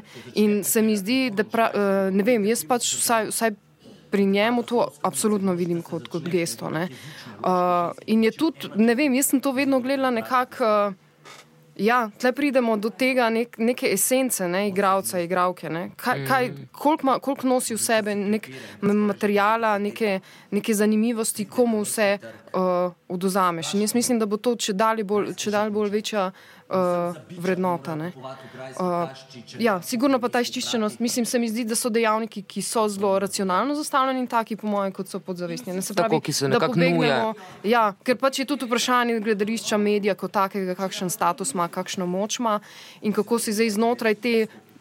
Če dalje bolj tudi nemoči, v bistvu vzpostaviti vse neke nove, nove zakone ali pa neki mini upore, ali pa ne, eh, da je tu še neko zatočišče, kjer se vrača k nekim bistvenim odnosom. Pa pač, um, ne. Kljub temu, da so seveda lahko scenografije tudi zelo, zelo fascinantne, ne. ampak to je po mojem pol neka druga debata vedno. Če si videl dobro predstavo, kaj je v bistvu najbolj vplivalo na tebe. ne. Ali je bila na koncu vse in to igra, ali je bilo. Uh, ali bilo oboje, pač, no, sigurno vprašanje ja, na mestu. Ja, sigurno impozantna scena bi odvračala pozornost od likov. Ne? Kar sem že omenila. Ja, Da- ja, da ja, tu gre- pač za en poudarek, ne oni. Ja. Delajo sceno, oni ja. pač s premiki, s tem, ko grejo v različne nivoje, kako so postavljeni.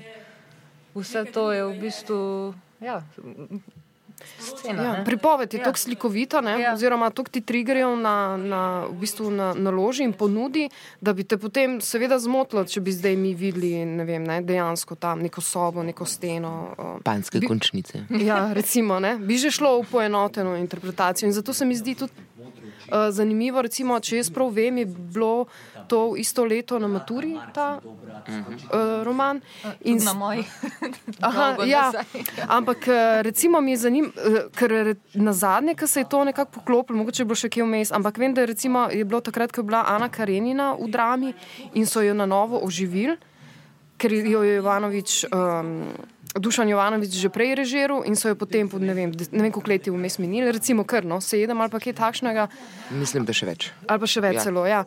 Um, in tle se mi zdi recimo zelo pomembno, da ti dijaki ali pa šole, ki so šli to gledati, da so v bistvu dobili sporočilo tudi v sodobnem teatru. Ne. Ker se mi zdi, da takrat pri Ani Karenini so šli v zelo. Takrat mi je bilo prav žal, tle imate Ano Karenino, lahko se preizprašuje ene stvari, pa so, ampak so videli zelo klasično predstavljeno. Znači, dobili so to, kar so ne, uh, nekako, po moje, tudi šli gledati. Tle, in tudi tle je v bistvu zelo pomembna, ne, ker pač to so generacije, na katere mora teater računati. Ne, ker eh, ta neki, neki, neki uh, abonenti bodo zdaj počasi, mislim, so v izumiranju. Ne? Mislim, ja. pač je treba na to. In tudi z tega vidika no, se mi zdi, uh, da je za njih, kako z njimi ne, komunicirati ta način uprizoritve. Ja, jaz bi samo na tem, eh, sam spet, da vemo, kje smo v zgodbi. Trenutno pač smo na to, v predstavi. Ja, v predstavi. ja vidiš, je ne, ta zgodba, predstava, mislim, to je tako pač. Um, ja, uh, tako prehaja, um, kjer je v bistvu Izidor uh, odpovedal uh, poroko z Margareto. Um, in ne, to je tudi pač nek tak prelomen um, moment spet. Ja. Jaz sem se hotela, hotela navezati v bistvu na dve temi, ne, ki smo jih zdaj odprli. Um, vem, mi- mislim, da, da ni nepomembno, da govorimo tudi v kontekstu res festivala, ne, kjer ta projekt delamo in da ta festival, in da govorimo o tekmovalnem programu in da ta festival je tudi tekma. Ne, za slovenski gledališki prostor to ni nepomembno. Pač, no, uh, ampak zdaj, ko smo se, prej smo, sem jaz pač rekla takrat za Tamaro, zdaj smo govorili o scenografiji. Ne, um, skratka, o vseh nekih elementih, ki predstavo sestavljajo. No, Uh, ki se jih načeloma nagrajuje, scenografijo, kostumografijo, uh, režijo, um, ali to je dramska priredba, ali dramaturgija, igra. Ne? Um, potem pa imaš specialne efekte, ali je to nek oblikovalec zvoka ali pa oblikovalec svetlobe, to nekako še ni prešlo v resno kategorijo stalne nagrade. No? Pač, ampak no, gre, gre za nek uh, razmislek tega, ne? če smo o scenografiji govorili, ali gre za, da ti nagradiš oblikovanje arhitekturno in inženirsko nečesa, veš, ne? ampak to je dosti krat res um, potem gre za razumevanje, kaj scenografija je, ne? nek premislek res oblikovanja prostora, kjer naj bi se predstava zgodila. Ne? Ki je pomemben, je pa, moram, mislim, čist iskreno reči, da je dosti krat ravno v kontekstu teh nagrad, včasih pa tudi že selekcij, pomislim, zdaj sem ne, pred kratkim gledala eno predstavo, ki je zaradi svoje dolžine in načina. Um, ali pa sporočila, ali pa svoje nečist za res zapakiranosti, in ne bi niti mogla za res dati status predstave. Ne? In tako se ponavadi za elemente predstave tudi vprašam. No? Vem, če se na igravce vrnemo, včasih so eni, ki so res, kar je spet trend ali pa ne, zaradi potreb, zaradi ne vem, kako se gledališče umešča, so um, igravci skupaj vse čas prisotni na odru. Ne? Pa je lahko nekdo ali nima dosti teksta, ker pridemo do teh meril, meritvenih pač nekih uh, uh, enot, um, ali ne mesta, mogoče, no, ampak je, ali je to vseeno lahko nekdo, ki se ga opazi in mu da veljavo nekega uh, supportive. Uh, Jezus, pomagajte mi slovensko besedo na zato. Uh, pod podpore. Hvala. Ja. Omembe. Jezus, Jezus. ne, Jezus. Uh, um, Jaz bi še nekaj tukaj dodala. Ne? Um, ko govorimo o tem, da je nekaj preprosto, da nima tega obrtniškega elementa, ki bi nakazovalo ne, umetelnost, uh, se lahko obregnemo pač od dušampa in njegov pisoar. Ne? Pač sej, tukaj se gre za neke podobne stvari. Mislim, ni, um, recimo, da je dobro vedeti, da scenograf zna narediti tudi bolj elaborirane stvari. Ne? Od tistega momento mu lahko pač verjamemo, tudi ko naredi nekaj preprostega. Ne? Se pravi, da vemo, da je zmožen uh, večjega razpona. Ne? In uh, malo je treba gledati na te stvari tudi kot na sodobno umetnost. Ne vem, če se jaz čist strinjam s to popolnim odzemom obrti, ne? ker potem pridemo tudi do tega, da igralec nima dosti teksta in ne more pokazati svoje obrtine. Lahko pa pač gledamo kaj drugega. Se pravi, tukaj je že sama definicija tega, kaj je umetnost. Ne? Postane kočljiva, ne? ker smo v takem zgodovinskem momentu, kjer je pač morski pes v bloku plastike od hrsta pač umetnost. Ne? Ampak se mi zdi, to, to ne, je, ja, sem še to dodam. In je pač padec na trgu umetnin in pač njegov status v bistvu določa vrednost te umetnine. Ne?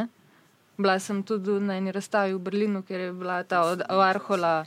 Uh, Mao je bil ogromen, pol zraven so bile pa ene grafike. Jaz sem hotela malo, da sem od blizu pogledati, da vidim, kako je narejen. Ne? In sem bila tako nakurjena od uh, varnostnikov, da nisem mogla verjeti. Tiste zra, grafike zraven, pa tudi če bi jih kdo dol snil, noben no, ga ne bi brigalo. Ne.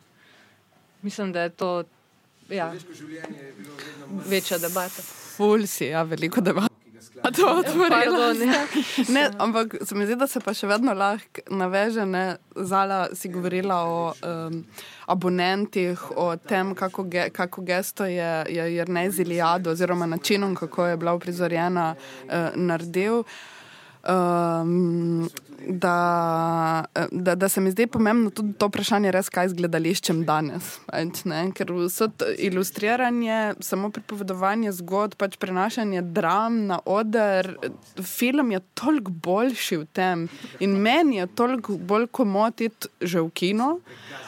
Kamor li biti doma, pa gledati visoško kroniko v filmski izvedbi, ne, kot pa iti zdaj v teater, on mora iskati potem neko svojo pozicijo v sodobni umetnosti, ne samo za neke pač, um, ljubitelje razumeš, takega stika. Tega tudi premalo je reči, da ja, mi se dobimo skupaj v enem prostoru, v istem času. Toliko je drugih nekih ritualov danes, ki nadomeščajo tudi to, no, da je to tudi. Debata, na katero zdaj ne bom ponudila nobenega odgovora, ja. je zelo važno. Ja, to je pač problem digitalizacije. Ne? Tudi mi zdaj gledamo posnetek predstave. Mislim, Ej, kul, kul, vse kul. Ne, se, ja, v redu, bomo, Ja. bomo ja, minuta uh, 46 bom si zapisala, to bomo lahko. Eh, da ne bomo- ja. No, pardon. Um, mislim, jaz sem hotela, meni je bilo kle, recimo, no, če se. Um, uh, Pomislila sem pač na, na vprašanje publike, pa na velikost publike. Ne? Recimo, to ob, ob gledanju v bistvu pač razmišljam, na nek način si želim biti kar bližji, skoraj ali pa da imamo občutek, da bi lahko vsi skupaj bili ne, bližji. Govorimo pač o tej um, uh, skupnosti, pa tako. Um, ne, koliko smo. Ja, sam to, no, vprašanje v bistvu publike, za kakšno uh, število publike, to se mi zdi tudi pač, no, vprašanja. Um, se mi da ni zdaj samo omejeno, da pač je nekdo na odru, pa da pač ga gleda. ne vem, 300 ljudi, lahko je tudi, ne, mislim, kakšno je razmerje med tem, koliko ljudi je na odru, koliko ljudi to posluša, a to zdaj posluša, gleda. Um, to, no, se mi zdi, so tudi. Če se vprašamo te vprašanje izkušnje, um, pa kaj mogoče gledališče lahko tudi, ne, kaj zdaj pač je mesto uh, danes. Ja, po mojem tudi zdaj sem pomislila na vprašanje pač, ja, uh, intimnega, ker smo že v podkastu intimnega. Ne? Mislim, kaj v bistvu je intimno. Ne? Ali si lahko, um, kje lahko vse znikne intimnost, lahko pač v nekem, neki predstavi, ki je, se dogaja na 5 metrov krat 5 metrov in smo vsi skupaj. Uh, in lahko se seveda zgodi tudi v, v veliki dvorani. In se mi zdi, da ta intimnost je povezana z ranljivostjo uh, v bistvu igralca in igralke. Ne? Ranljivost je v nekem tem smislu, ne bo to nek uh, dvom, ne bo to, da oda, uh, pač pove neko svoje stališče, ne nujno v besedah, ampak lahko z neko držo. Ne?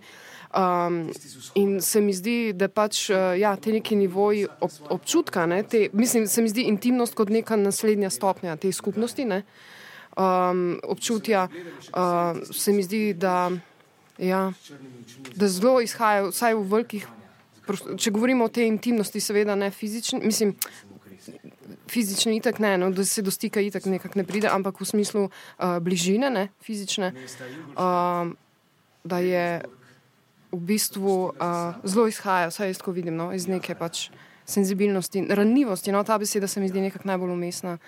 Pa, um, ne ne v, v slabem smislu, ne, ampak tako v smislu, da, da res pač tisti, uh, ki izvaja, da zakoplje globoko ne, v sebi. In, da se pač, in tle se potem pokaže, ja, za to gledališče. Ne. Zato, ker se gre toliko um, toliko globlje in toliko tudi širše. In tle potem pridejo te odgovori, zakaj še vedno ne, nekako um, gledališče.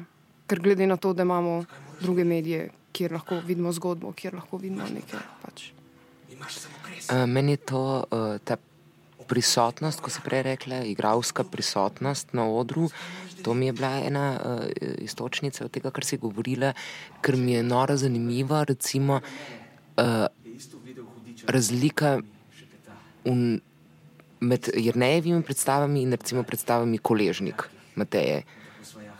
To bolj nasprotnega, ne vem, če v tej sploh fazi Jrnejevi, v kateri je zdaj njegovo gledališče in v, in v fazi uh, Matejnega gledališča, zadnjih, odkar jaz spremljam, recimo 15 let, uh, ne bi mogla biti bolj različne si med sabo, hkrati pa prisotnost igralca, na kak način je prisoten on na odru v obeh tipih, gled, tipih no, uh, poetikah.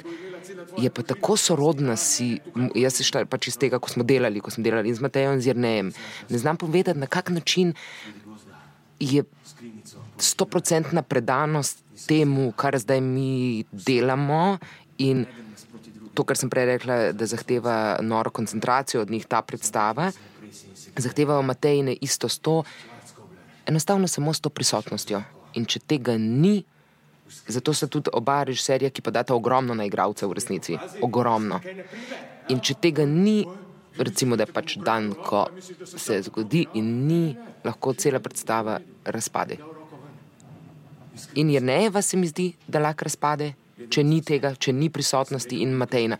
Seveda se tudi v drugih zdaj govorim, pač, ampak ker sta mi ona dva zanimiva, ker ste, ker ste tudi pač osebno, se ful marate, ful ste prijatelji, hkrati pa se konstantno glede tega imate disput neskončen in Mateja vedno pravi, naj, najhujše dobiti igravce, ki so delali s tabo in jih pol dobiti v svojo predstavo, ker to se vsem zdi, da je njihovo mnenje edino, kar šteje, da to bi kar vsi se razlezejo in se jim zdi, da je to dovolj, ne, jaz rabim igravce igralca, ki je prisoten, ki je, govorite pa v resnici o, o, isti, ja, o prav isti prisotnosti, na full isti način. Mogoče tudi zato, ker sta oba manjaško zelo si podobna, kar se tiče, kako se loteva ta teatra, oziroma ima je to prvo in potem 100 km nič. Imela sem še eno asociacijo, ki sem jo pa zdaj izgubila.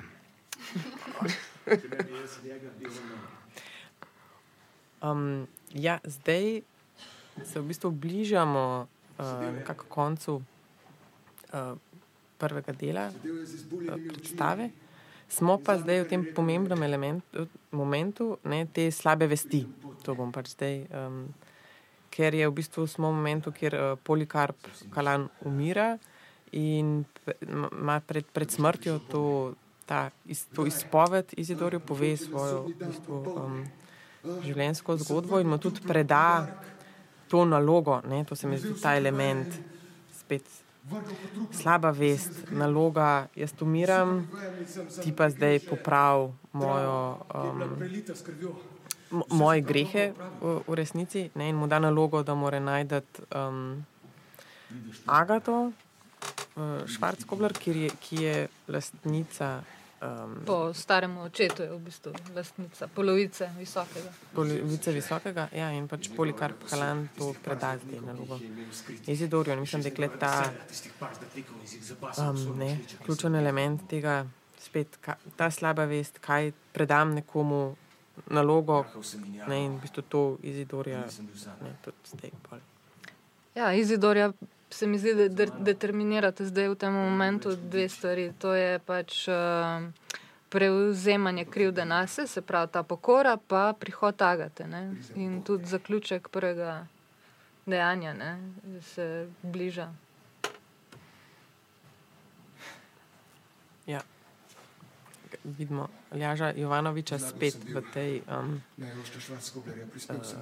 ne, fizičnem raziskovanju um, in v transformaciji. Um, še vedno gledamo prav, to veliko mizo, igravci še vedno sedijo okrog, ali ja, stoji na levi. Um, lučna luč je v bistvu še zmeri ta široka, splošna, čeprav nekako se čuti, da mogoče, mogoče se počasi malo mogoče temni, nekako je ta občutek, ampak to tako zelo, zelo, zelo, zelo, zelo počasi. Um, Odrešil boš malo ja. dušo, Izidor. Aljaš Ivanovič stoji levo ob mizi, gleda nas, v publiko, dvigne pest, dar s pestjo in pravi. Lučna sprememba je bila. Ja, ja. ja zelo, zelo, zelo, zelo, zelo subtilno. Počasi se temni. Ja. Zelo, zelo, zelo počasi, ko komaj, um, komaj zaznavno da se dogaja ne, ta časna. Pa, se mi zdi, da to je doskrat v nevih predstavah, ta, da pridemo, smo vsi del tega in potem naenkrat se zaveš, da te pa že sediš v resnici v nekem v temi in da se vedno bolj in bolj ože na odru in vedno bolj se kadrira na nek način z lučjo se mi zdi, da je to fuldoskrat, vse jaz sem vsakeč znova, a in več nisem osvetljena, ampak da bi verjetno pa že 15 minut od tega minilo, odkar so me začeli kot publiko. Fade out. Evo, zdaj je spet glasba. Ja, ampak, uh mhm. -huh. ja to sem ravno, kar izvolim. Ja, pa. Um, kot da bi Polikarp se tukaj boril za preživetje lastne usode, pač, s prijaznjanjem tega, kar je. Ja, Uh, s to lučjo sem se hodila navezati tudi v bistvu na glasbo, seveda ni to vedno, ne? ampak se mi zdi, da pač Branko Rožman doskrat razen, kjer je toliko, recimo Iliadi, seveda to tako poudarjeno, pa to na nek način. Tako po, um, pomemben kot, ne, enako vreden, recimo zvok pa glasba, ampak um, mi je zanimivo, kako v bistvu on dela na princip tega nekako um, tiholazenja, se pravi, da vpliva na tebe, ampak se ne, ne zavedaš. In tudi po mojem, ko greš ven, doskrat težko reči, kje je bila in kdaj je bila. Veš pa, da je vplivala na, na teme. Ne? In to se mi zdi tako pač neka. Um, Ja, talent ne, imeti za nekaj takega, ker z glasbo samo počrtati nekaj je v bistvu ne, še najmanj težavno. Ne. Jo pa nekako uturiti, ne, ne, da bi, ne da bi v bistvu občinstvo vedelo, kdaj. Ja, in raven, kar smo videli tudi z desne strani od zadaj, je v bistvu stopil na odr Janes Škov. Aktualni dobitnik Boršnikovega prstana. Letošnji uh, dobitnik um, Boršnikovega prstana. Um, To je ja, v bistvu za, nagrada za, za življenjsko delo. Um, za, ja, opus. Um, in ja, tudi zanimivo, da se pač je pojavil, ne, se pravi, ura, ura po skoraj dveh urah ne, predstave pride peti um, igralec in sede samo ne, od strani, zadaj je prišel, komaj pač opazno in sedel za to mizo. Aljaš Jovanovič pa je na mizi in v bistvu fizično se transformira. In v bistvu iz črnega kota gre na svetlo stran, ne? počasi, ja. umira in se oddaljuje od uh, tistega dela mize, ki je prežet pač s njegovo usodo. Počasi gre. Vsaj jaz tako vidim ta premik. Jaz bi sem povedala kot uh, useless trivia, spet ne. Ampak je pa zanimivo, uh, da je Škov bil mišljen za to predstavo, da igra. Še kopica drugih pa se je pač nekako zgodilo zaradi nekih terminov, da ne. In je Škov dobil film, uh, za snemati film, prvič, neverjetno, ampak prvič v celovečercu, igranem celovečercu, glavna vloga Škofa. Meni je to bilo čisto fascinantno, ker sem bila prepričana, da da mogoče sem jaz pač nisem gledala ali pa ne. Ampak ne. Uh, in uh, je Jrnej rekel, pač mi imamo termin začetka vaj, mi bomo začeli vaje, če se boš ti počutil, da potem, ko posnameš film, kar je pa en mesec hodilo na vzkriž, datumsko, terminsko, če se boš počutil, da uh, bi prišel, pridi na vaje in si z nami. Zato v bistvu on tudi pride kasneje, oprosti, da pa vem, da uh, je se finale uh, pripravlja pred pauzo. Ne, ne, hvala, hvala, ne, super, zanimiv. Ne? Ja, no, ja. Se pač, ker sem se sprašvala, ja, aha, kaj je, zakaj pride zadnji. Je zanimivo, da se nekdo pojavi tako kasneje. No? To doda še zdaj neko drugo um, ozadje. Um, ampak, ja, evo, približali smo se uh, pauzi. Ja, um, tako da v bistvu gravci so um, šli. Pausa. Pausa. Pausa.